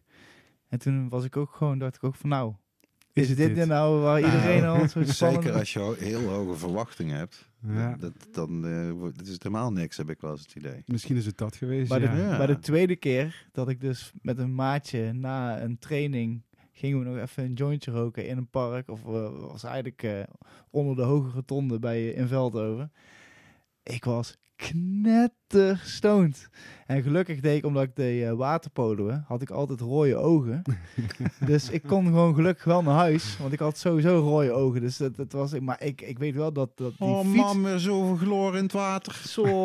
Nee, maar ik, had, ik was echt. Ik, ik heb toen heel veel moeite gehad ook om mijn eten eh, daarna op. Ik was zo duizelig als keistoned. En ik wilde eigenlijk liefst gewoon op bed gaan liggen. en Je had geen vreedkick dus. Nee, toen nog niet. keer, Toen was ja. ik gewoon nog. Ik was even toch eh, helemaal. eh, Ja, maar- wat, maar- wat- maar wat dat, ik, eh, wat ik wel een beetje mis aan die eerste keer is in de lachkicks hè, in het begin. Dat je dus Ja. echt niet kunt stoppen met lachen. En eh, dat heb ik niet meer zo vaak. nee, ja. Nou, Ja, dat, daarvoor is de zogenaamde tolerance break altijd Ja. wel een goed ding. Hè? Als je een tijdje, al is het maar een week, bijvoorbeeld helemaal niks rookt. En dan, eh, zeker een beetje een nuchtere maag, zeg maar, of in ieder geval niet vlak na het eten. Dan kan je soms weer zo ouderwets stoned worden dat het in ieder geval heel giechelig wordt. ja, ja, ja. ja, of echt enorm heftig. Ik ben, eh, ik ben toen ook een keer dat ik tien dagen op vakantie ben geweest naar Turkije. En dan niks gerookt. eh, en toen was ik ook al, toen ik dus op de terugweg, ik vloog s'nachts. eh ik was al, ik was pas om zes uur, s ochtends, zeven uur, s ochtends thuis. En ik was al vanaf de volgende dag negen uur, s ochtends al op de benen en aan de gang. Dus ik was al super moe. Ik had tien dagen niet gebloot. Ik was eigenlijk helemaal naar de kloot. Maar ik wilde toch per se nog een jointje roken voordat ik naar bed ging. ja. Nou, dat heb ik geweten ook. Dat was echt de eerste keer dat ik ook dacht van oké, is echt wel pittig. Want ik kon gewoon niet meer lopen. Ja. mijn evenwichtsorganisme was gewoon helemaal weg. ik wilde dus gewoon naar de wc en ik flikkerde gewoon om. En ik ben gewoon, ik kon gewoon niet meer lopen, maar ik, gewoon, ik was gewoon, mijn, mijn, mijn hoofd ging helemaal naar rechts de hele tijd en mijn lichaam, die ging niet echt eh, mee. Dus ik ben uiteindelijk ben ik op handen en voeten, ben ik naar de wc gemoeten. en eh, daarna ben ik maar gewoon ook maar naar boven gegaan, naar, naar mijn bed. Maar ja, toen besefte ik pas, damn. Ik snap wel dat mensen soms wel heftig... sterk spelletje, Ja. Fisherman's Friend. Het was ook nog mijn eigen kweek. Ja. Dus ik denk dat dat ook nog wel eh, misschien meer... Dat het toch wel... Omdat je toch zelf mee bezig bent. En dat misschien extra... Ja, ik weet het niet. Ik had misschien een heel mooi plantje toen. eh, Ik, ik kan me nog herinneren, toen, toen was ik zelf ook nog puber, dat ik een eh, verhaal in de Nieuwe Revue las, eh, geschreven door Herman Brood, eh, dat hij een keer superskunk had gerookt. Maar hij vond ook echt dat het bij de harddrugs hoorde, omdat hij, hij beschreef helemaal hoe hij op de wc zat en er niet meer vanaf kwam. En, eh, hmm. en ja, Herman Brood is toch ook wel bekend van redelijk wat drugsgebruik. Eh, de superskunk was voor hem toch te heftig. Maar hij was natuurlijk heel erg van speed, eh, Ja. man. En Ja. dan is het iets totaal anders. Kan Ja, je wel precies, zeggen. je ziet ook sfeer. vaak dat, dat, dat mensen die gaan meer voor dat oppeppend-achtige eh, varianten van drugs, dus cocaïne en speed. Die, Blow- die geven ja. niks om blowen. Die, die, die gaan voor die hele andere soort kick. En, en vice versa. Dus eh, nee, ik kan me zelfs herinneren dat in het begin eh, ook Werner Bruining zei van ja, die skunk, eh, die kastwiet, eh, dat is helemaal niet goed. Het moet van buiten komen, weet ik wat allemaal. Wij hebben dat een beetje gehad wat pas 30 jaar later in Engeland zou komen. Ook weer rond die naam skunk. Wat dat betreft is dat toch wel blijkbaar een naam die... hè, Die blijft hangen, hij is makkelijk. ja, en die angst inboezemt of zo, weet je. Die ook eh, van mensen denken van, oh. Ja. Want in Engeland, de- sommige mensen denken echt dat je zeg maar wiet hebt en skunk. Weet je wel, alsof Oh, ja. het twee heel verschillende dingen zijn of zo. Ja, ja, ja. En daar is het gewoon generiek voor hele sterke wiet. Moderne, sterke wiet. Maar ik wil wel even terug, Roger, met jou naar dat Ja. begin in 92. Want eh, ik was toen zelf... Ik schreef nog niet voor High moet ik zeggen. Maar ik was toen toch, was ik al wel bezig met blowen en met ditjes en met datjes. Dat was nog wel de goede eh, oude tijd, kan je zeggen. De gouden tijd voor ook met name coffeeshops nog wel. Ja. Hoewel dat toen eh, bijna wel, Ja. de verandering kwam eraan. Maar waarom zijn, zijn jullie een grootshop begonnen en niet een coffeeshop? Want je zou toch Nou, zeggen, nou, het dat is veel eigenlijk- makkelijker geld verdienen, toch? Gewoon Dus een shopje open. Het is eigenlijk de, de, de, de beginfase van, van de gouden tijden geweest. Eh, de, de, de eerste twee jaar was het voor onze shop ook nog ja, best wel eh, eh, bakkeleien. Mhm. En je zag bij de coffeeshops in Maastricht dan in ieder geval een grote opkomst. Steeds meer mensen die naar die coffeeshops toe gingen. Ja, want waar- waarom hebben jullie niet een coffeeshop begonnen? Dat was al vergunningplicht in Maastricht. Ah, oké. Je kon geen coffeeshop meer beginnen. Dat, iedereen die dat probeerde, die werd ook gewoon vanaf dag één lastig gevallen door justitie. Eh, De, ehm, eh, ja, toen de coffeeshops dus ook steeds drukker werden bezocht, eh, kwam er ook steeds meer overlast. Ja, als, als, als er maar zes slagers zijn in een grote stad, dan krijgen die slagers ook steeds meer overlast als er vleeseters... eh, Ja. Als niet steeds meer vegetariërs komen. maar ehm, eh, ja, de oplossing om meer coffeeshops aan te schaffen, daar, daar werd alleen maar lacherig over gedaan door meneer Leers onder andere. En dat is dus niet van de grond gekomen. Mhm. Wel sluiting en wel eh, eh, uitsluiting van de buitenlanders. Ja. Eh, tot die tijd ehm, ging het in Maastricht eigenlijk best goed qua ehm, ehm, economische klandizie, om het maar zo Mhm. te stellen. Ook bij ons in de winkel ging het ja, heel mooi. We hadden vijf man personeel en we verkochten redelijk veel spullen.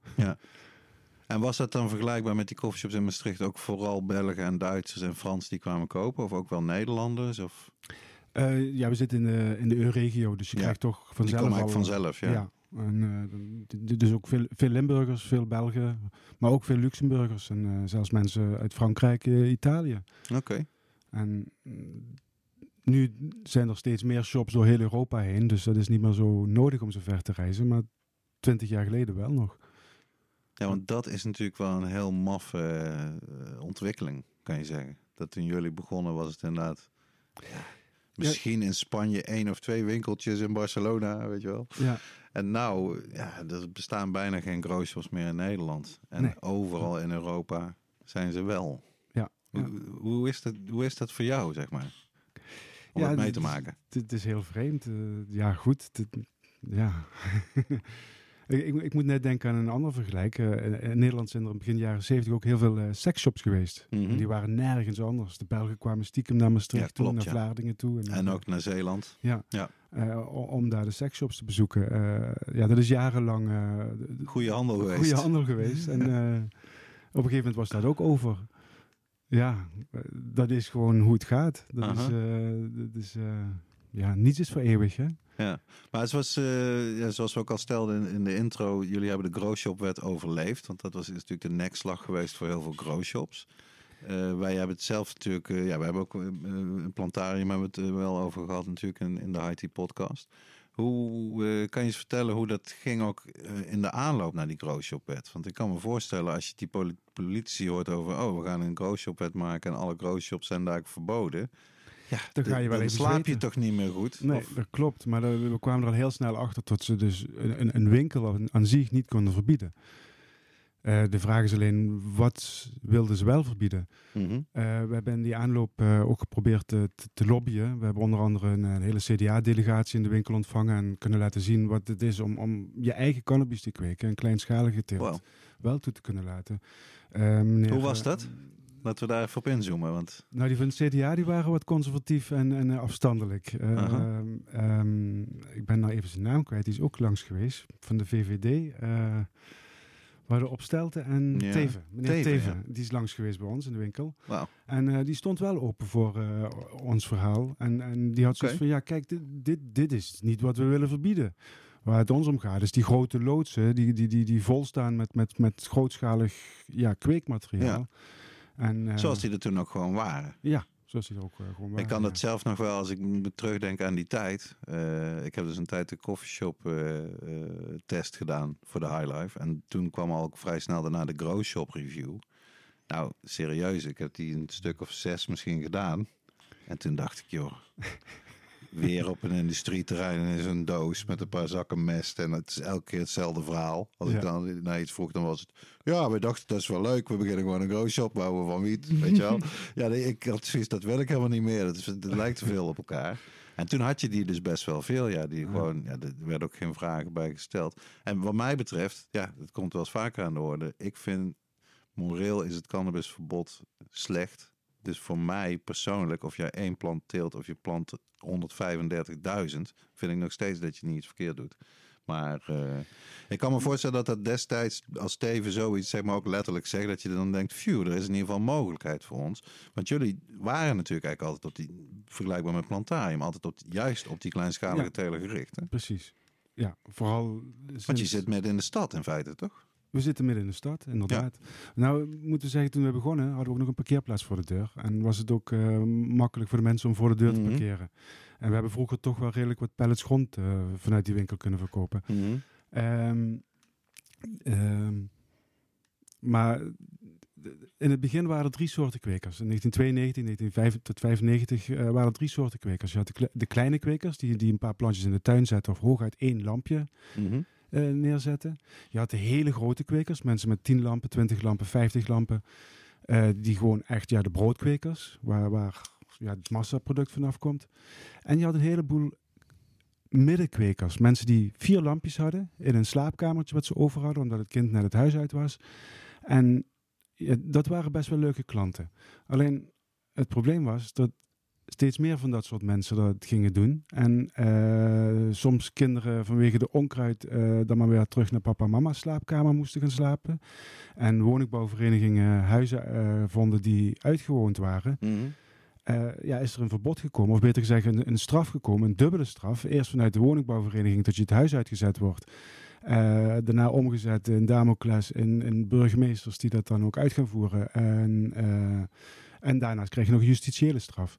Eh, En op de zwarte lijst vaak gezet worden van de woningbouwvereniging. Ja, dat je ja. nergens in de stad eigenlijk meer terecht kan Ja. in de sociale woningbouw. Nee, En we hebben, het, we hebben het niet over Gruwelijk. mensen die er echt eh, stinkend rijk van zitten te worden. Die Nee. kunnen er ook uit een extra vakantie van betalen. Wat alleen maar goed is voor de economie, in principe. De, de, de, ja, die klantengroep is eigenlijk min of meer weggevallen. En dat waren in feite die kwekers die eh, ex-minister Winnie Zorgdrager van D66 destijds hè, in het Paarse kabinet eigenlijk op het oog had om de coffeeshops aan te leveren Ja. aan de achterdeuren. Ja, want dat was ook de praktijk toen dat tijd. Ja? Maar- precies, ja. Vier lampen rook je niet alleen op. Dat, eh, Ja. Daar heb je toch een eh, restproduct en dat kun je dan doorverkopen. En meestal zijn het goed verzorgde producten die, die, die ja, artisanaal... Ja, Craft, zou je dat nou craft noemen? ja, precies. Dat woord kenden we toen nog niet, maar dat was absoluut wat het was. Ja. Ja. Tja. Maar goed, dat, dat verandert dus die, die, die klantenkring. En dan, dan blijft gewoon over. Ja, ik denk Ja, dat dan- internet voor keuze- jullie ook een belangrijk iets is, is dan is inderdaad de keuze vanuit als je de winkel in de binnenstad hebt, dan komen Ja. hele grote klanten sowieso niet. Maar Nee. eigenlijk heb ik die, hebben we die altijd weggehouden. Want ja, die zitten op een dubbeltje en, en, en, en, en ze zijn grote zeurkousen gewoon. en eh, de kleine kwekers zijn veel leuker, omdat die ook eh, ja, eh, af en toe eens even kunnen, komen laten zien wat ze zelf gemaakt hebben. En dan mag ik altijd wel wat lekkers proeven. En Ja, dat, is, dat gewoon veel leuker. Absoluut. Ja. Kocht jullie vroeger ook veel stekjes? Ja, En tot al die 2005 hebben we stekken verkocht. Ook netjes opgegeven bij de Belastingdienst. Eh, ja, van allerlei soortjes. Vooral in het buitenseizoen was altijd leuk. Viking, Purple Ja. Power, dat waren leuke soortjes. Nou, dat zijn, dat was, toen was eigenlijk het cirkeltje redelijk klein en maar ook rond. Ik bedoel, je wist wie de stekken werden gekocht en ze konden op een veilige manier aan stekken komen. Het werd netjes gekweekt. Het ging naar de koffieshop. Iedereen blij. Ja. En Ja, terwijl de overheid en de politie die leggen dat heel anders uit. Die zeggen, de growshop is de draaischijf ja. in de criminele wereld van de hennep-industrie. Want die leveren en de planten en die, die zijn de, de verkoopkoppeling voor de koffieshop. Waarvan ik ook altijd heb gedacht, nou, ik denk dat dat op zich nog wel meevalt. Maar ja, dat, dat jij als wietkweker naar een wietkweekwinkel gaat, lijkt me logisch. En, eh, Ah, eh, ik vroeg me ook af, af hebben jullie altijd wel zoals die, eh, die, die bijlen of die ex-verkopers tijdens de goudkoorts, weet je, de mensen die dus die, eh, die hakbijlen en dergelijke verkochten. Hebben jullie die ook een beetje zo gevoeld misschien? Want eh, iedereen wilde natuurlijk gewoon wiet kweken of wiet roken. Maar jullie zorgden wel voor de instrumenten. Ja, ja, nee, ja. Nee. Goed. Kijk, we zijn zelf ook begonnen omdat we zelf ook kweekten. En op die manier aan de materialen konden komen. Mhm. En, ja, die combinatie heb ik vaker in het Ja. gezien. Ja. En eh, het, eh, ja, het is gewoon een hele leuke hobby. En eh, ja, ik, ik doe het nu 30 jaar. eh, mensen helpen, mensen voorlichten, eh, ehm, informatie uitwisselen. En ja, het gaat steeds om dat plantje. En dat is toch nog steeds heel interessant eigenlijk. Zo sliden we wat mij betreft automatisch naar wat je zegt. Al 30 jaar help jij mensen daarmee. dus jij moet als geen ander weten, wat zijn nou de meest gemaakte fouten? Wat, wat is wat jij nou zegt tegen echt totale first-timers van... Dit gaat vaak fout, of dit, let in ieder geval hierop. Geduld. Oké. Ja, mensen zijn te haastig. De, in het hele proces, hè? vanaf het zaadje al, moet het eigenlijk de dag erna al een plantje zijn. Nou, dat, dat duurt gewoon even. En, en eh, ook met, met, met het toedienen van meststoffen en dergelijke. De meeste mensen willen veel te veel toedienen en verwachten ook meteen resultaten van te zien. En ja, dat duurt allemaal even. Mhm. En het allerbelangrijkste is het droogproces, dat je daar dan ook gewoon de tijd voor neemt. En dat wordt vooral door de commerciële kweker niet echt eh, vaak gedaan. Wordt snel verwaarloosd. Ja. Ja, dat... eh, Terwijl voor deze thuisteler, kan ik wel onthullen, is het bijna andersom.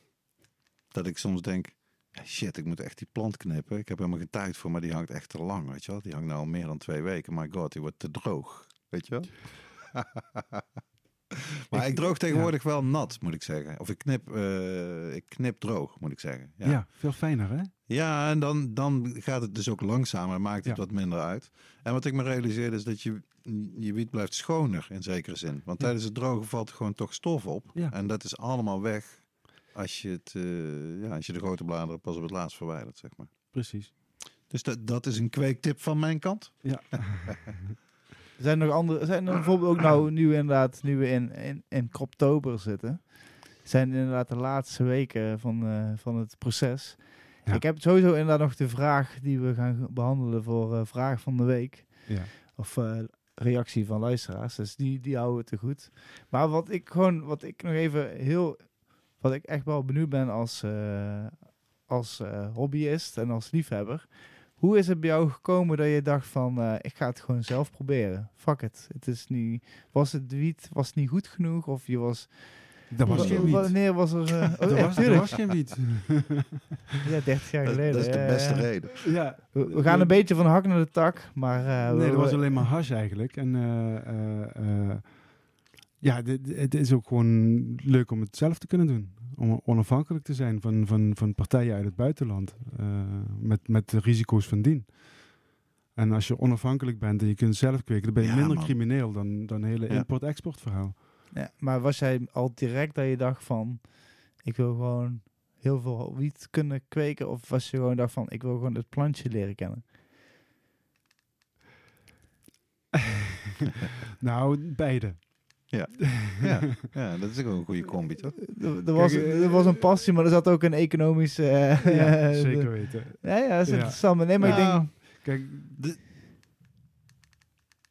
Nou, waar ik, waar ik aan denk, zelfs als gewoon kleine thuisteler. Het gaat er niet zo om dat je steeds meer wiet wil hebben of heel veel planten wil hebben. Maar ik vind het zelf ook heel leuk als ik bijvoorbeeld variatie heb. Ja, ik maar heb ook nou die, die, eh, die Case Old School Haze, maar ik heb ook nog, eh, weet je wel, eh Lele Sour van Karma. Ik heb nog een Amnesia die je kan roken.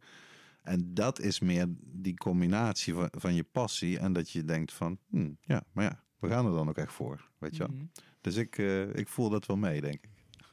Ja, en als je veel vrienden hebt, je moet het allemaal uitdelen of zo. Ja, dat is ook een mooi iets, toch? Dan moet je ook zorgen dat het er is.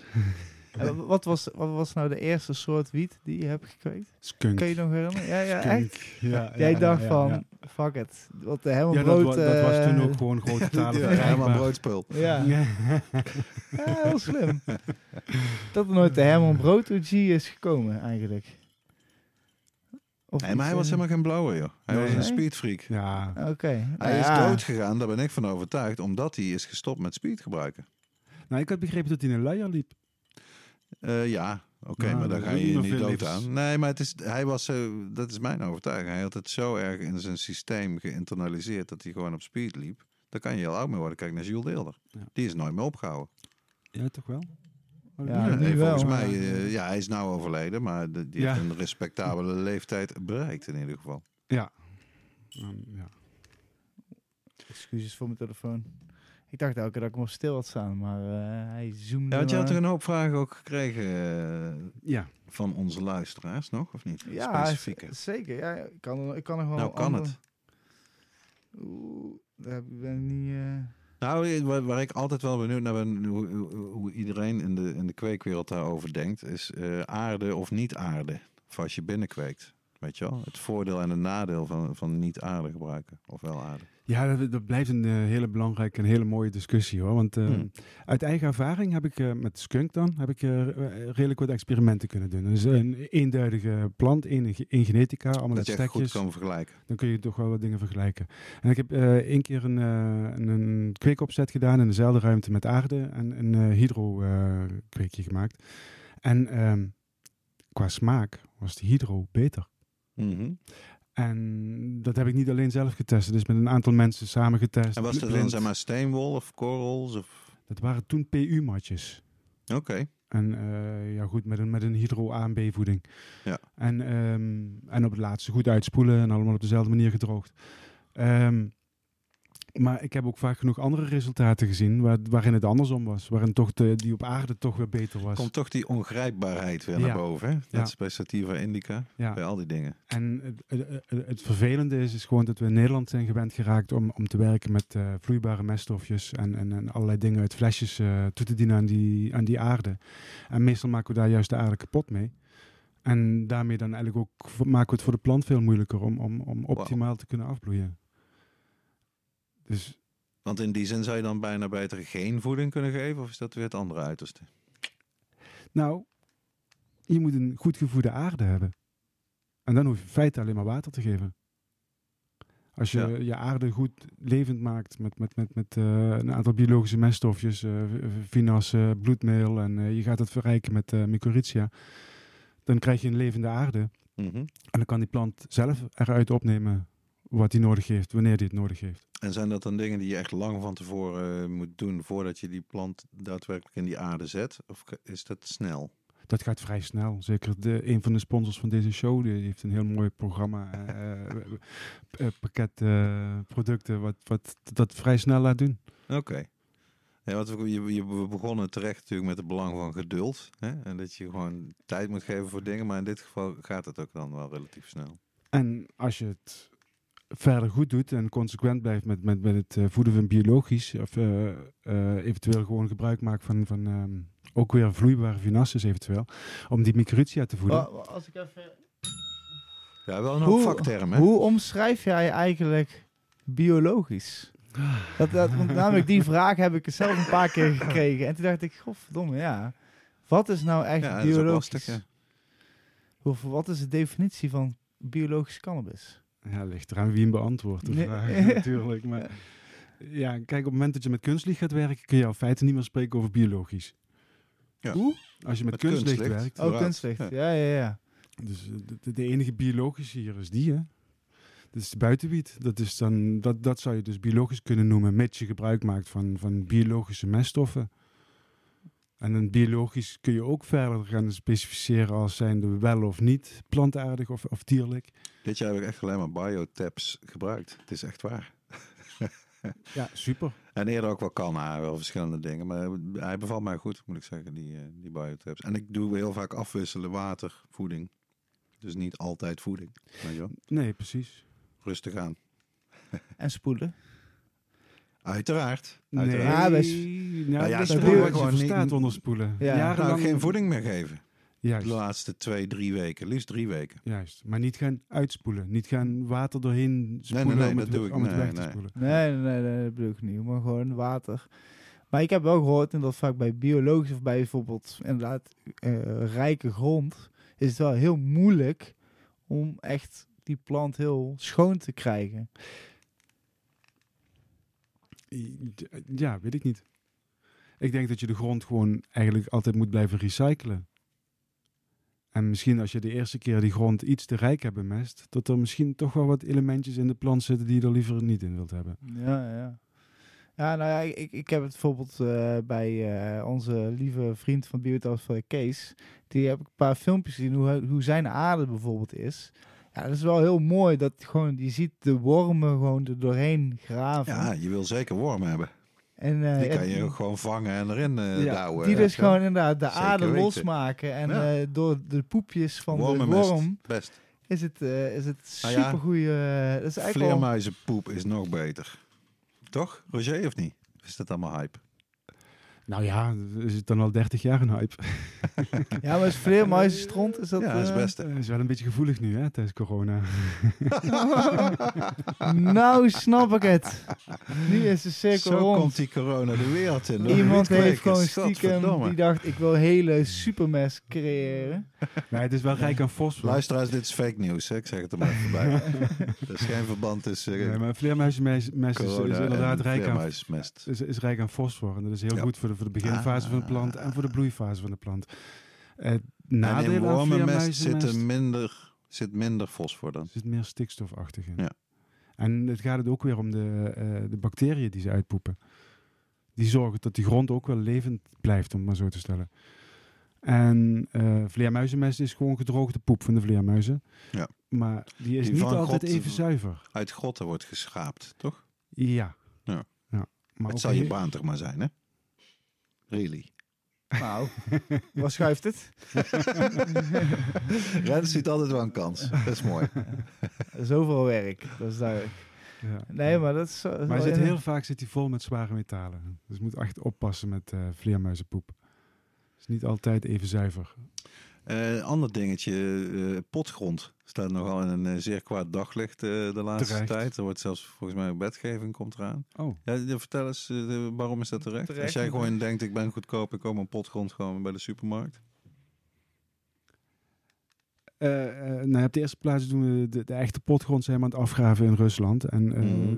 ja, dat, dat worden steeds grotere gaten. En ja, potgrond groeit niet zo 1, 2, 3 weer aan. Potgrond is eigenlijk vezels van, van oude bladeren, die al ja, soms eh, ja, honderdduizenden jaren liggen te verteren.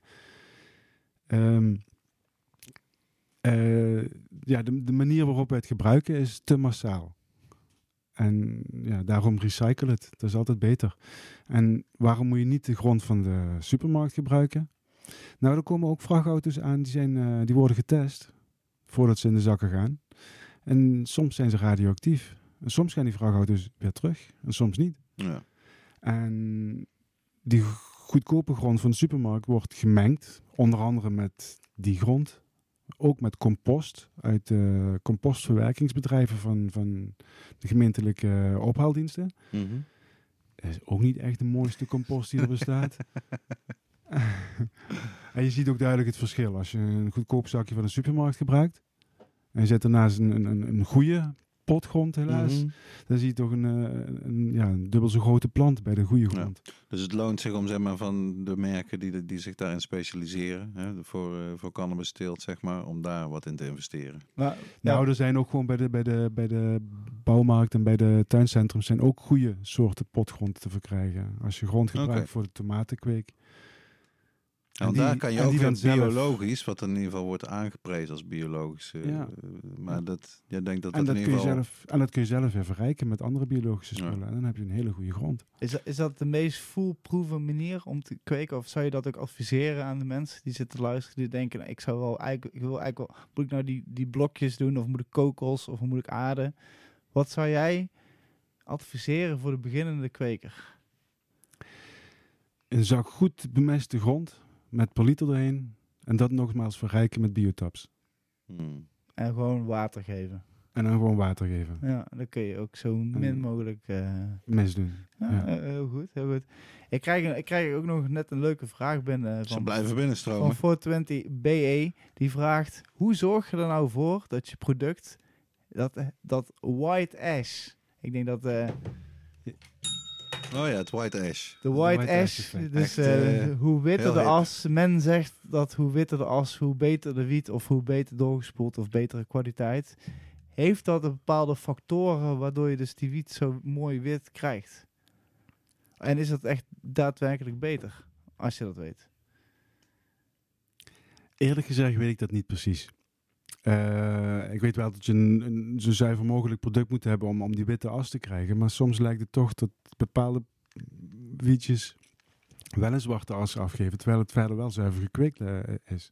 Ja, dat, dat, dat valt me dus ook heel erg hoor. Ik ben namelijk, ik moet zeggen, het oog wil ook wat. Dus vaak als ik, als ik een joint heb met echt mooie straalwitte as, op een of andere manier vind ik dat wel een mooier effect. En een fijner gevoel. fijner hè? gevoel. Dat Ja. ik denk dat hij, hij is mooi schoon, maar het is inderdaad een dingetje wat me ook is opgevallen. Dat bijvoorbeeld, eh, ik, ik, ik, ik rook wel eens een keer een eh, OJ Koes of een OJ Rieken of een, in die trant.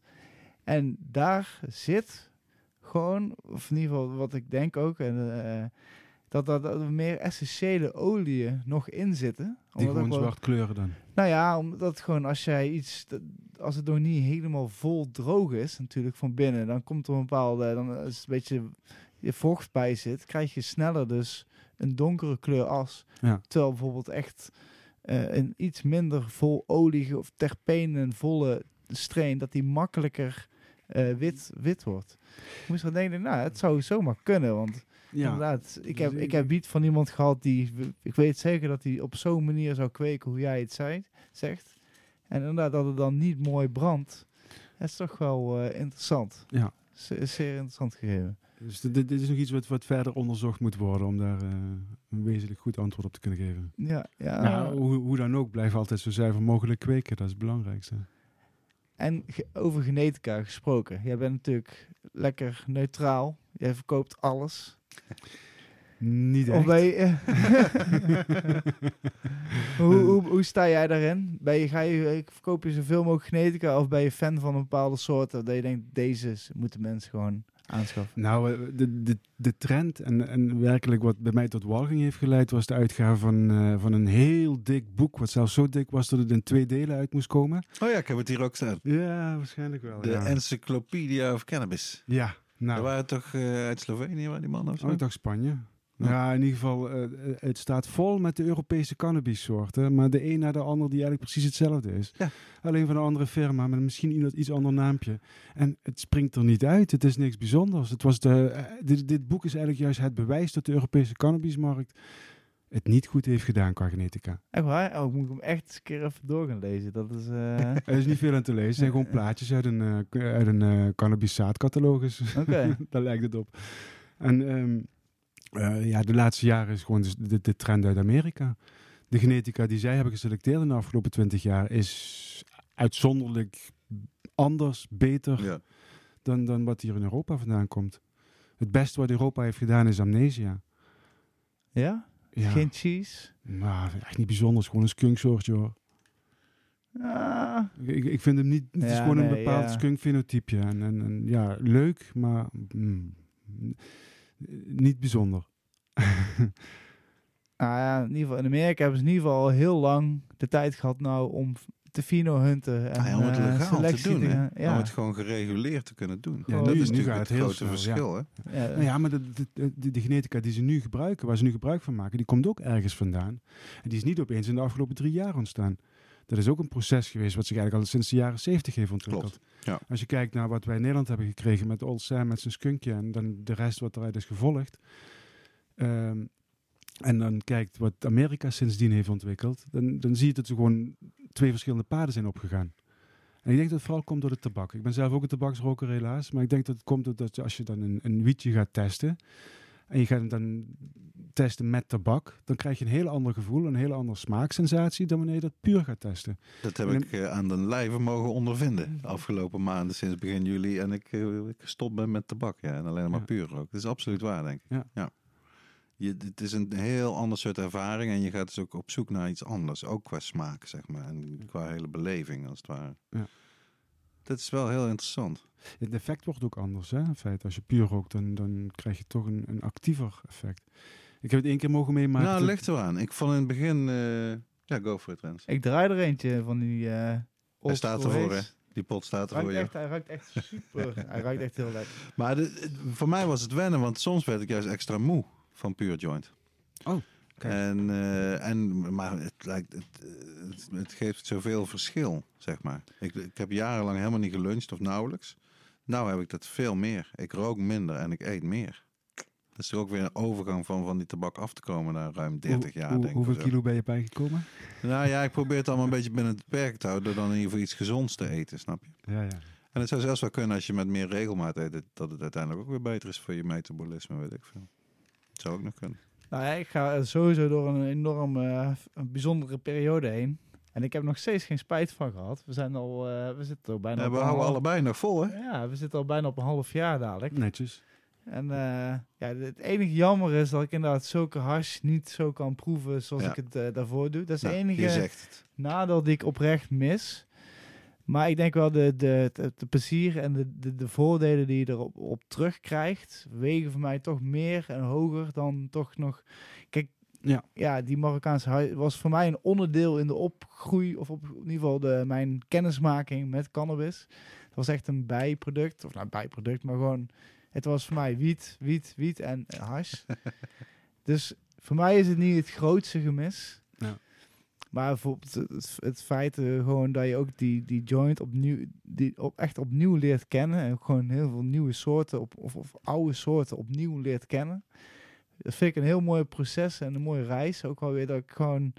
Ja, ik was weer echt een rookie toen ik begon met puur roken. Ik moest leren draaien, ik moest leren roken. Ik moest eh, bepalen ook welke soorten me ook bevielen. Maar eh really Rens, een driedubbele tip.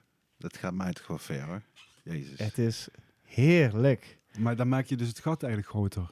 Ja, het is, de, nou ja... de inhaleer, eh, Kijk, je wil gewoon eigenlijk een hele grote tip. Maar als je dat met één doet, krijg je zo'n hele slappe.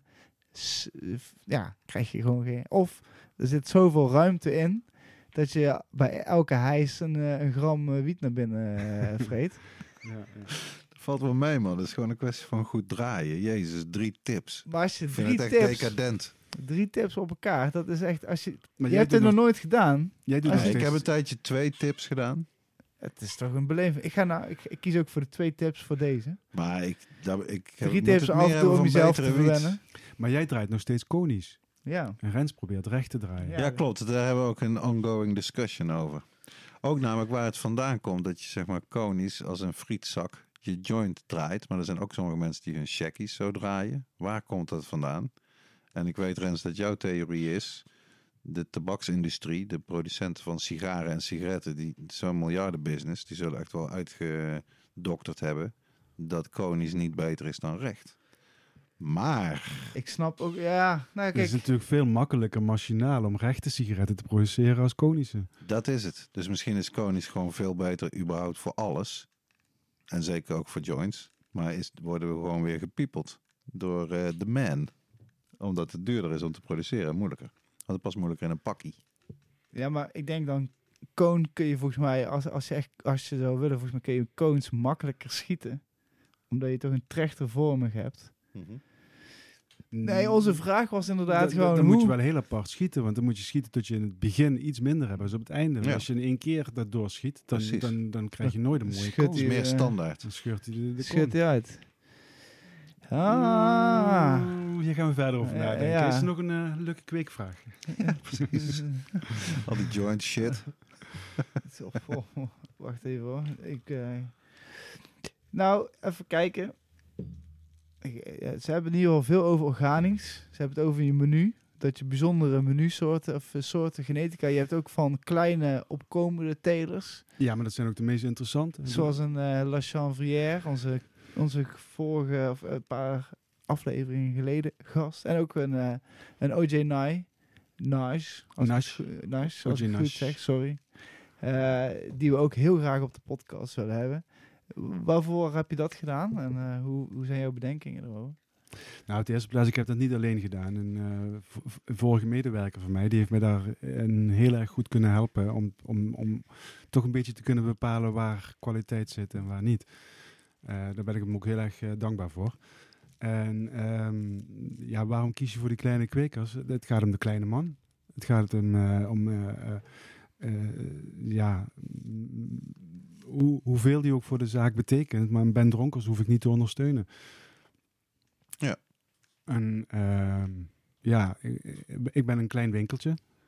En ben er voor de kleine kweker. En ik wil gewoon goede spullen kunnen aanbieden. Small is beautiful, zeg Small maar. is beautiful. Ja. Exactly. ja, dat is wel mooi. Wat je zegt, hé. Hij is echt Hij is lekker sticky, hè? sticky, icky, wicky eh, deze wiet. Ik hoop dat ik hem dicht ga krijgen dadelijk. hè. Buiten, buiten wie het beste wiet, mensen. Echt wel. Buitenwiet is uiteindelijk het beste. We hebben vroeger ook nog eh eh, wietcups georganiseerd. Maar, ah, ja. Ja, daar was ik ook wel nog benieuwd naar. Ja, ja, als, maar dat eh, ging dus alleen maar over buitenwiet. Hè? Want eh, ja, op de avond zelf konden de mensen dan eh 5 gram inleveren. En dan werd het door een jury getest. Onder andere Evert zat er elk jaar in van de verdamper. Ah, oké. Dus het werd ook puur gedampt en getest. Nice. Elk soortje. Ja, dat geloof ik wel. Dat deed hij zonder moeite, volgens mij. Hij draaide zijn hand niet eh, voor om. Hoe de rest van de jury eruit zag, zullen we maar niet zeggen dan. Uiteindelijk kwam er altijd wel een winnaar uit en zo. En eh, eh, ja, het was wel heel gezellig altijd. Alleen de gemeente Maastricht vond het niet meer leuk dat we dat organiseerden in een horecagelegenheid. Dus hebben we toen de tijd moeten uitwijken naar een eh, kraakpand. Maar het jaar daarna hebben we niet meer gedurfd om iets te organiseren. Omdat de gemeente heel erg eh, die scheiding Anti. tussen eh, alcohol en cannabis wilde Oh, aanhouden. ja, ja, ja. ja. Ja, dat is zonde, man. Dat is, Ja. dat is ongelooflijk. Want ja, ik moet zeggen, ik weet als geen ander hoe het is om Cannabis Cup te organiseren. Het is toch wel altijd super leuk. En je maakt er gewoon heel veel mensen blij mee. Ja. Die allemaal heel trots zijn op een product. En die willen dat gewoon graag delen en laten zien. Ja. Ja. Zonde. Dat het, eh, want ik, ik heb de posters nog wel voorbij zien komen, inderdaad, van de, de Cup. eh. Ja. ja, zonde, zonde. Hoe, hoe kijk jij eh, tegenaan eh, tegen het hele wiet-experiment? Oh ja. Vind ik altijd wel eh, een leuke vraag. De Ja, wietproefvraag. Een fiasco gaat dat worden. Dat, dat kan niet anders. Is echt, eh, ondanks het feit dat dus inderdaad de, de aandelen allemaal naar de buitenlanders toe gaan. Ehm, waardoor ik misschien wel meer vertrouwen in zou kunnen krijgen. Eh, Ja, heb je zo weinig eh, vertrouwen in de Nederlandse kennis? nee, maar dat, dat bedoel ik niet. Het is meer eh, als het buitenlandse kapitaal zich ermee gaat bemoeien, zal de overheid iets meer zijn best gaan doen om het experiment te laten slagen. Ah, Ja, denk je dat? dat vind ik denk je dat een echt? take. Roger? Dat, dat denk ik wel, want dat kapitaal wordt erin gestopt en ze stoppen er ook nog meer in. En nog meer. En nog meer. Want daar is het genoeg. Ja, klopt, ja. Als je ziet hoe ze, hoe, hoe, ah, ja, als je kijkt naar de website van, van, van Mauro en, en naar de aandelenkoersen kijkt en wat voor geldbedragen er omgaan en een 13 miljoen euro die Snoop Dogg even uitgeeft eh, voor, voor, voor een paar aandeeltjes in een eh, net opgestart eh, Ja, waarschijnlijk CBD-projectje. Ja. Dan, dan, ja, dan weet je dat er eigenlijk heel veel geld in omgaat. Ja, Heel de veel zakken zijn diep. En dan is Nederland opeens een heel klein landje. En, eh, eh, maar voor de rest, of het experiment gaat slagen, ja, dat, eh, pff, het, het zal moeten slagen. Ja, er is bijna geen weg terug. Nee. Ook voor die shops en Nee. voor de gemeentes. En, eh, Maar hoe het dan over vijf jaar moet gaan uitzien, dat weet eigenlijk ook nog niemand. Want of er dan ook nog steeds maar tien leveranciers zijn voor heel Nederland. En Nou, ik heb, dan bij eh. Nou, hoe, hoe, ik, hoe ik daar zelf persoonlijk over denk, als je ziet wat voor grote kwekerijen eh, het zijn voor die 80 coffeeshops, die dus eh, eigenlijk ongeveer 10 coffeeshops moeten bevoorraden, of 8, sorry. Mhm, mhm. Eh, als je dan kijkt, als je het over heel Nederland zo, zou vrijgeven, dan zou het nog betekenen dat er 70 van zulke kwekerijen bij moeten. En al die kwekerijen, dat zijn gewoon huge ass fabrieken. Dus Ja. als ze dan eh, iets te... Nou, kijk, ik denk dat die markt zo open gaat dat er daar honderden mooie kwekerijen kunnen zijn die de shops kunnen gaan bevoorraden eh, voor, de, voor de time being, om het zo maar te zeggen. Ja, er is, Maar ja, wie gaat die kwekerijen controleren? Want dat wil de overheid graag, hè? Ja, de NVWA, zoals ze het gewoon bij elk bedrijf doen, die eh, producten maakt voor de, voor de consument. Ik zie daar geen probleem in. Het is, zullen, het is alleen, ik schrok gewoon heel erg toen, je de, toen de groottes bekend waren van, die, van zo'n kwekerij. Ja. Ik heb mezelf toen ook ingeschreven, dus ik weet een beetje toen hoe onze kwekerij er zelf uitzag. Ja. Het is gigantisch. Ja. Gigantisch voor Maar- acht coffeeshops te Maar bevoorraden. wij zijn dus echt een heel klein landje. Hè? Want als je dat dus gaat, gaat, gaat transporteren naar Amerika. Als je bijvoorbeeld een growshop ziet in Amerika. Dat is gewoon de, de, de grootste groothandel vroeger in Nederland. En eh, de, eh, PG Worldwide bijvoorbeeld of zo. En dat was een hele grote loods. Vol met spullen. Nou, dat is in Amerika de kleinste gro- growshop voor de consument. Tja, precies. En, en dat, dat, dat geldt voor de kwekerijen ook. Dat zijn gewoon ontzettend grote projecten. En dat, dat, dat- daar kunnen we ons helemaal geen beeld van vormen. Nee. Dus ik, ik denk wel, als, als, het, als, het zou, als het zou lukken en het zou worden vrijgegeven, dan denk ik dat er voor iedereen een plekje is om. Ook voor die kleine kunnen. thuiskweker, dat is voor mij het belangrijkste. Niet, Ja, maar- niet alleen voor mij in mijn winkeltje, maar ook gewoon sowieso. Dat is voor mij Ja, fundamenteel. Tuurlijk. Gewoon, ja, je, je wilt je eigen bloemkolen kunnen kweken, je wilt je eigen bier kunnen maken, je eigen wijn kunnen maken. Waarom niet je eigen cannabisplant? Nou, als, ze, als ze dit nou zouden combineren met het PGMGC-verhaal, van dat je gewoon inderdaad, eh, als je wil kweken, en nu doen ze het inderdaad met een doktersverklaring, maar stel je voor, je doet het gewoon zonder doktersverklaring met een soort van, net zoals een, een, een visserspas. Je meldt je aan dat je gaat kweken. Je, je koopt een voor daarvoor aangeschreven wietkast die hun gebruiken, een stevige kast met alles brandveilig. Ja, eh. zelfs dat zie ik eerlijk Kom- gezegd als een soort overgangsperiode. Want uiteindelijk gaat het toch gewoon om... Kijk, als jij houdt van, eh, weet ik veel, een terrarium met een warmtelamp eh, voor een of andere slang... Dan gaat het ook om, ja, het is jouw huis, dus je wil ook helemaal niet dat het afvikt. Dus je moet het gewoon veilig doen. Ja. Ik Ja, denk echt, als, als je legaal bent en het... Het is een beetje- brandgevaar bijvoorbeeld. Ik bedoel, de meeste thuisbrandjes ontstaan door eh friteuzapparaten. Precies, en ik geloof op nummer 2 staan elektrische auto's nu, hè? dat zou me niks verbazen in ieder geval. Ja. Ja, of elektrische Nee, dus- fietsen die afvikken tegenwoordig. Ja. Dus ik kan me zeker voorstellen dat je niet gaat van waar we nou zijn met Damocles en al die ellende waar we het net al eventjes over hadden, naar totaal iedereen vrijheid om zoveel planten als hij zelf maar wil te kweken. Dat is normaal. Politiek Ja. is altijd kleine stapjes. Maar ik denk dat je zeker moet streven naar, joh, eh, er is ook geen eh, maximum aan aardbeienplanten wat jij mag hebben. Nee, maar je had het dus straks ook over dat je zeg maar één plant of 135.000 planten, dat moet, moet iedereen eigenlijk als het ware ja, zelf weten. Of, Ja. of- ik heb er zelf wel een bezwaar tegen, want 135.000 planten in Toledo, het is erg, dro- erg droog daar in Spanje. En bij Daar je Toledo is het ook punt. heel erg droog. En Ja. je ziet dat nu ook in Californië. Ze, ze noemen nog steeds wel de avocado-problemen, maar ook de cannabis, legale cannabis, die heeft heel veel water nodig. Is het verstandig om daar zo door te blijven gaan? Nou ja, zeker omdat ze daar toch ook nog binnen kweken. ramp. Binnen en buiten, ja. Er wordt een ecologische ramp. ja. Ja, denk jij, want dat is een voorspelling die ik zelf nog wel interessant vind. Ik weet niet wie hem gedaan heeft, maar dat op, op de langere termijn de cannabis zeg maar vooral rond de evenaar gekweekt zal worden, omdat het daar het goedkoopst is. Omdat je zeg maar soort ideale omstandigheden hebt, kan buiten of in kas. Dat dat een soort euro-shopper wiet wordt. Ja, waarschijnlijk. Ja, Op toch? zich is het niet, Ja. niet, niet, niet onverstandig, denk ik. Niet, niet onlogisch. Nou, omdat je dan, je ecologische voetafdruk is dan dus eigenlijk ook minimaal, behalve dat het natuurlijk vervoerd moet worden Ja, vanuit die zeggen. landen. Dat wel, maar voor ter plekke eh, kan je het inderdaad doen, kan je het Dus- prima af met de zon. Dus alle blowers moeten verhuizen naar de Evenaar. Ja, Dat is veel beter voor het eh, milieu. En het is misschien ook wel goed voor eh, verdeling van het geld ook over de wereld. Je weet het eigenlijk niet. Ja. nou ja, en ik denk dat craft cannabis daarnaast altijd wel... eh, ja, dat zal wel blijven bestaan. Dat zou- het is, ehm, again, zou ik zeggen, opnieuw eh, is daar ook weer een parallel toch met, met wijn. Je kan wijn in allerlei gradaties kopen. En eh, inderdaad, zelfs in Nederland geproduceerde wijn, maar ook in Zuid-Afrika geproduceerde wijn. In allerlei verschillende prijsklassen. Precies. Dat eh, zou eigenlijk het ja, Ideaal zijn voor uh, cannabis. ideaal zijn, ja. Ja. Zijn wij nou zo slim? Of zijn hun nou zo dom? Hè? Dat vraag ik je wel eens af.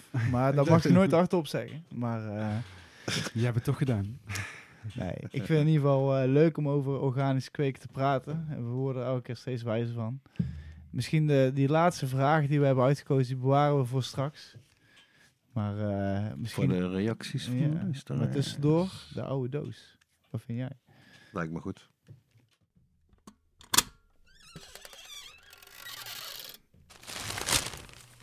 Ja, want tijd voor onze geschiedenisrubriek, de oude doos. En laat ons niet langer in spanning, Dirk. Vertel ons wat erin zit. Nee, dat kon eigenlijk maar één ding zijn natuurlijk met de gast eh, van vandaag, Roger. Dat is namelijk het geweldige boek Organic Earth Chronicles. De eerste 20 jaar van een grow shop. Yes. Wat inmiddels al inderdaad weer oude doos is. Want Ja. het verschenen in eh, 2012, toch? Precies, een eeuwigheid geleden. Kan je eens vertellen eh, hoe dat idee ontstond van... hé, hey, er komt een jubileum aan. We willen een boek gaan maken over de...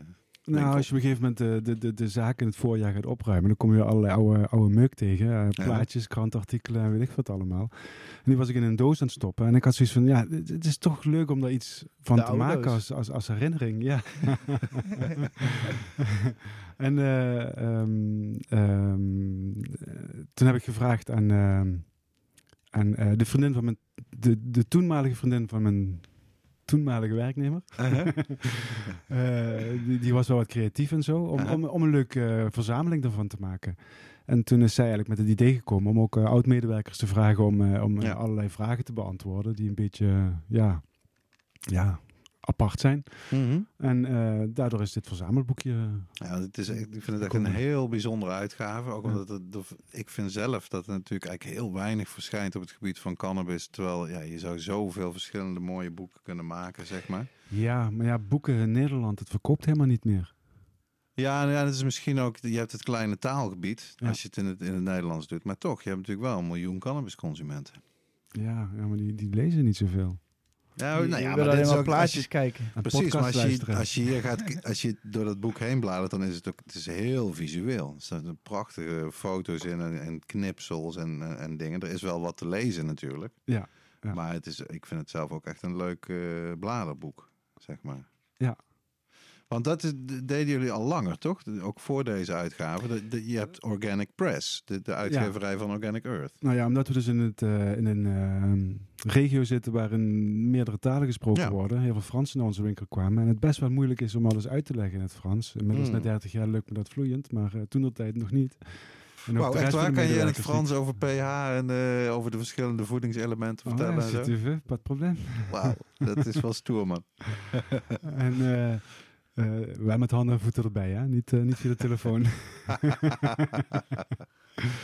en ehm, eh, ehm, toen de tijd was er een heel leuk boekje, geschreven door Werner Bruining. Hmm. Het Vitologisch Handboek. Ja, precies. En we hebben Werner gevraagd of we zijn boekje mochten gebruiken om, om te vertalen naar het Frans. En ook nog wat aanpassingen eraan te doen.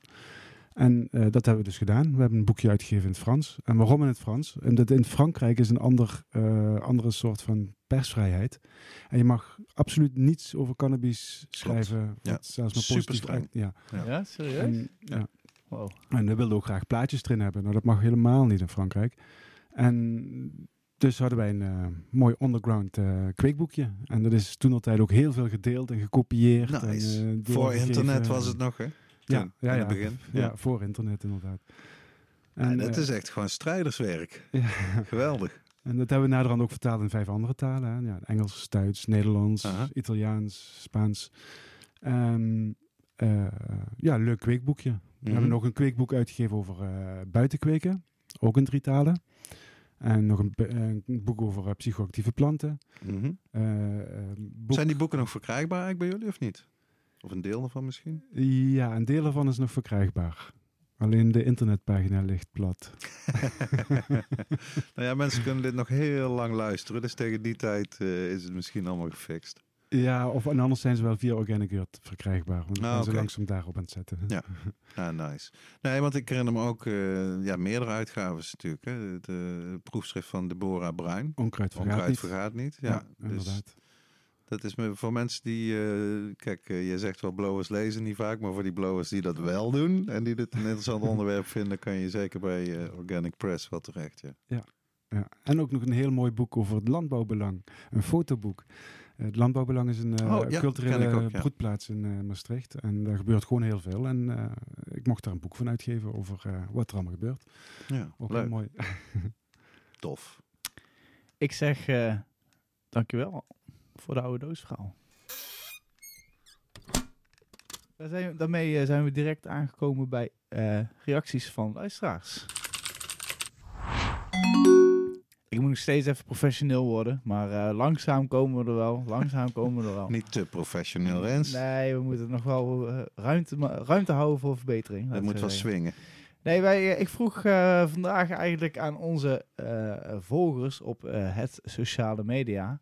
Eh, eh, eh, of dat ze leuke organische kweekvragen hadden voor onze gast. Organic En, questions. en een daarvan vond ik zelf eigenlijk het interessantst. En ook wel toch, wel- ja, het lees je toch minder. Maar misschien heeft Roger een uitstekende antwoord hierop. Tati, ik hoop dat ik het goed zeg. Tati Organics heeft, vraagt zich af: hoe behoud je de meeste smaak en geur van je wiet tijdens het oogsten slash drogen? En het is wel zo. ja, ja. Mensen zijn inderdaad drie maanden bezig, of misschien wel langer, om dat product eindelijk klaar te krijgen. En dan hebben ze het in ieder geval eindelijk klaar en dan begint het droogproces. Maar daar, daar gaat het toch bijna, of bijna, Ja. vaak gaat het daar mis. Ja, wa- wat, wat de meeste kwekers in Nederland verkeerd doen, is dat ze het nat knippen. En het, het beste blijven de terpenen behouden als je de plant gewoon afknipt en omgekeerd ophangt in het donker. En met, met, met ja, nauwelijks ventilatie. Eigenlijk één keer per dag ga je even kijken en dan doe je de deur een paar keer klapperen. En dan heb je eigenlijk de lucht vervangen in je, in je droogkast. En dan uh, dat, dat is genoeg ventilatie. Wat is het nadeel van wel ventileren, zeg maar met een ventilator? Dat het te snel droogt. Oké. Het, het is En een het beetje... risico dat er te veel vocht is en dat het alsnog gaat schimmelen, ja, dat, is... eigenlijk alleen de eerste drie dagen aanwezig. Oké. Dus als je dan, ja, als je toch wel erg dikke toppen hebt, is het misschien verstandig om een kleine ventilator af en toe een beetje af te zuigen via Dat een je- koolstoffilter. Ja, dat wil je toch voorkomen. Ja. Alle moeite en dan toch Ja. nog schimmel. Maar, maar na die drie, vier dagen moet je ook echt die ventilator weer uitzetten. En, eh, het natuurlijke proces zoveel mogelijk zijn gang laten gaan. En dan na, na, na twee weken, soms drie weken, als de takjes knak zeggen, als je ze wilt breken, dan, dan kun je de blaadjes ervan af gaan plukken. En ze, de, de, de bloemen in een eh, gesloten pot, een mooie glazen pot eh, stoppen. Glas altijd het beste? Ja, glas is toch het beste, dat geeft niks af. En donker, En in het donker zetten. donker bewaren. En dan wel elke dag even controleren. Even die deksel ervan afhalen. Even controleren of het niet toch nog vochtig is. Dus Even burpen, zoals Ja. het eh, wordt genoemd. Ja. en ja, twee, drie maanden later is hij eigenlijk nog zachter van smaak gewoon. Dus als je dat geduld kunt hebben. Dat is interessant, want de mannen van eh, de First Smoke of the Day, die hadden zoiets van, ja, eh, wiet is het beste na drie weken. Het moet lekker vers, want anders zijn de terpenen allemaal weggevlogen. Ja, Ik qua smaak. Ah. qua smaak, daar zit wel wat in hoor. Er zit wel wat in. Alleen, eh, eh, eh, hij wordt toch nog zachter voor de keel. Hmm. En hij, hij- ja, het- rookt zich lekkerder in de mond als het ware. Ik weet niet. Maar je hebt gelijk, als hij vers is, heeft hij gewoon meer terpenen. En dan is hij ook smaakvoller. is niet altijd het beste. Ja.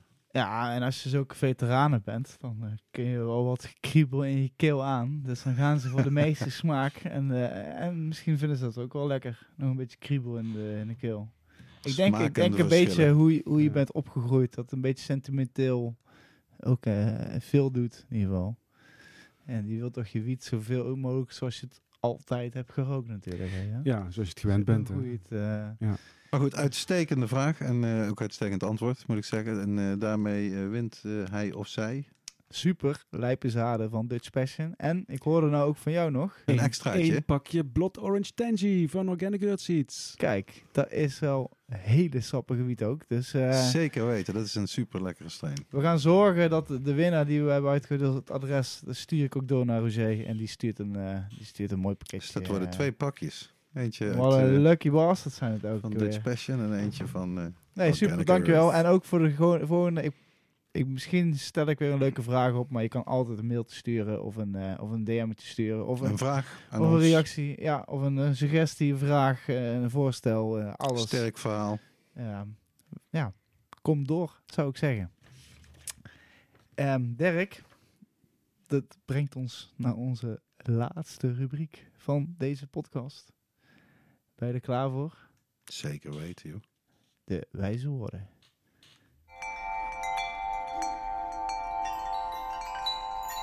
Wijze woorden.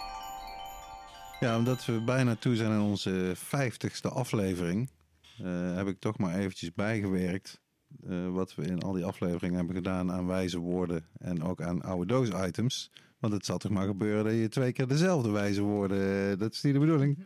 Voor onze fans, die gaan het natuurlijk onmiddellijk opmerken als we dubbelen. Dus ik heb vanmorgen nog even gekeken of ik Confucius alles heb aangehaald in de rubriek wijze woorden. Dat bleek niet zo te zijn. Eh, de gekende Chinese wijsgeer en politicus die leefde van 551 voor Christus tot 479 voor Christus. Echt lang geleden dus. En eh, er zijn iets ruim 100 uitspraken van hem overgeleverd geworden uit het Chinees. En een daarvan luidt als volgt. De mens heeft drie manieren om verstandig te handelen. Eerst door na te denken. Dat is het edelste. Ten tweede door navolging. Dat is het makkelijkste. En ten derde door ervaring. Dat is het bitterste. Wijze woorden, vind ik. Zie, Zeker wijze woorden. En daarmee eh, zijn we aangekomen bij het einde van deze podcast. Ik wil in ieder geval Roger bedanken voor al zijn wijsheid en al zijn ervaring. En eh, nu natuurlijk eh, om helemaal naar Eindhoven te komen voor eh, de IT podcast. Gezellig. Ik wil Simon bedanken voor zijn, voor zijn hulp weer achter de scherven en de knoppen. Ik wil Dirk bedanken voor zijn top presentatie en mij weer helpende om deze podcast door te komen. En natuurlijk onze sponsor, Dutch Passion. hoogwaardige cannabiszaden. Verkrijgbaar op www.dutchpassion.com. En natuurlijk heel veel dank aan mijn spectaculaire co-host elke aflevering. Al bijna 50 afleveringen lang. Rens Hoppenbrouwers. Eh kom naar onze eh jubileumopname op eh, 6 november, zou ik zeggen. Ja. Bij eh, de Grass Company in We Tilburg. halen het nog een keer. Spoorlaan 360 vanaf 2 uur. Wees en erbij. eh, wees erbij. En bedankt voor het luisteren. Yes. Tot de volgende keer weer. Houdoe! Houdoe.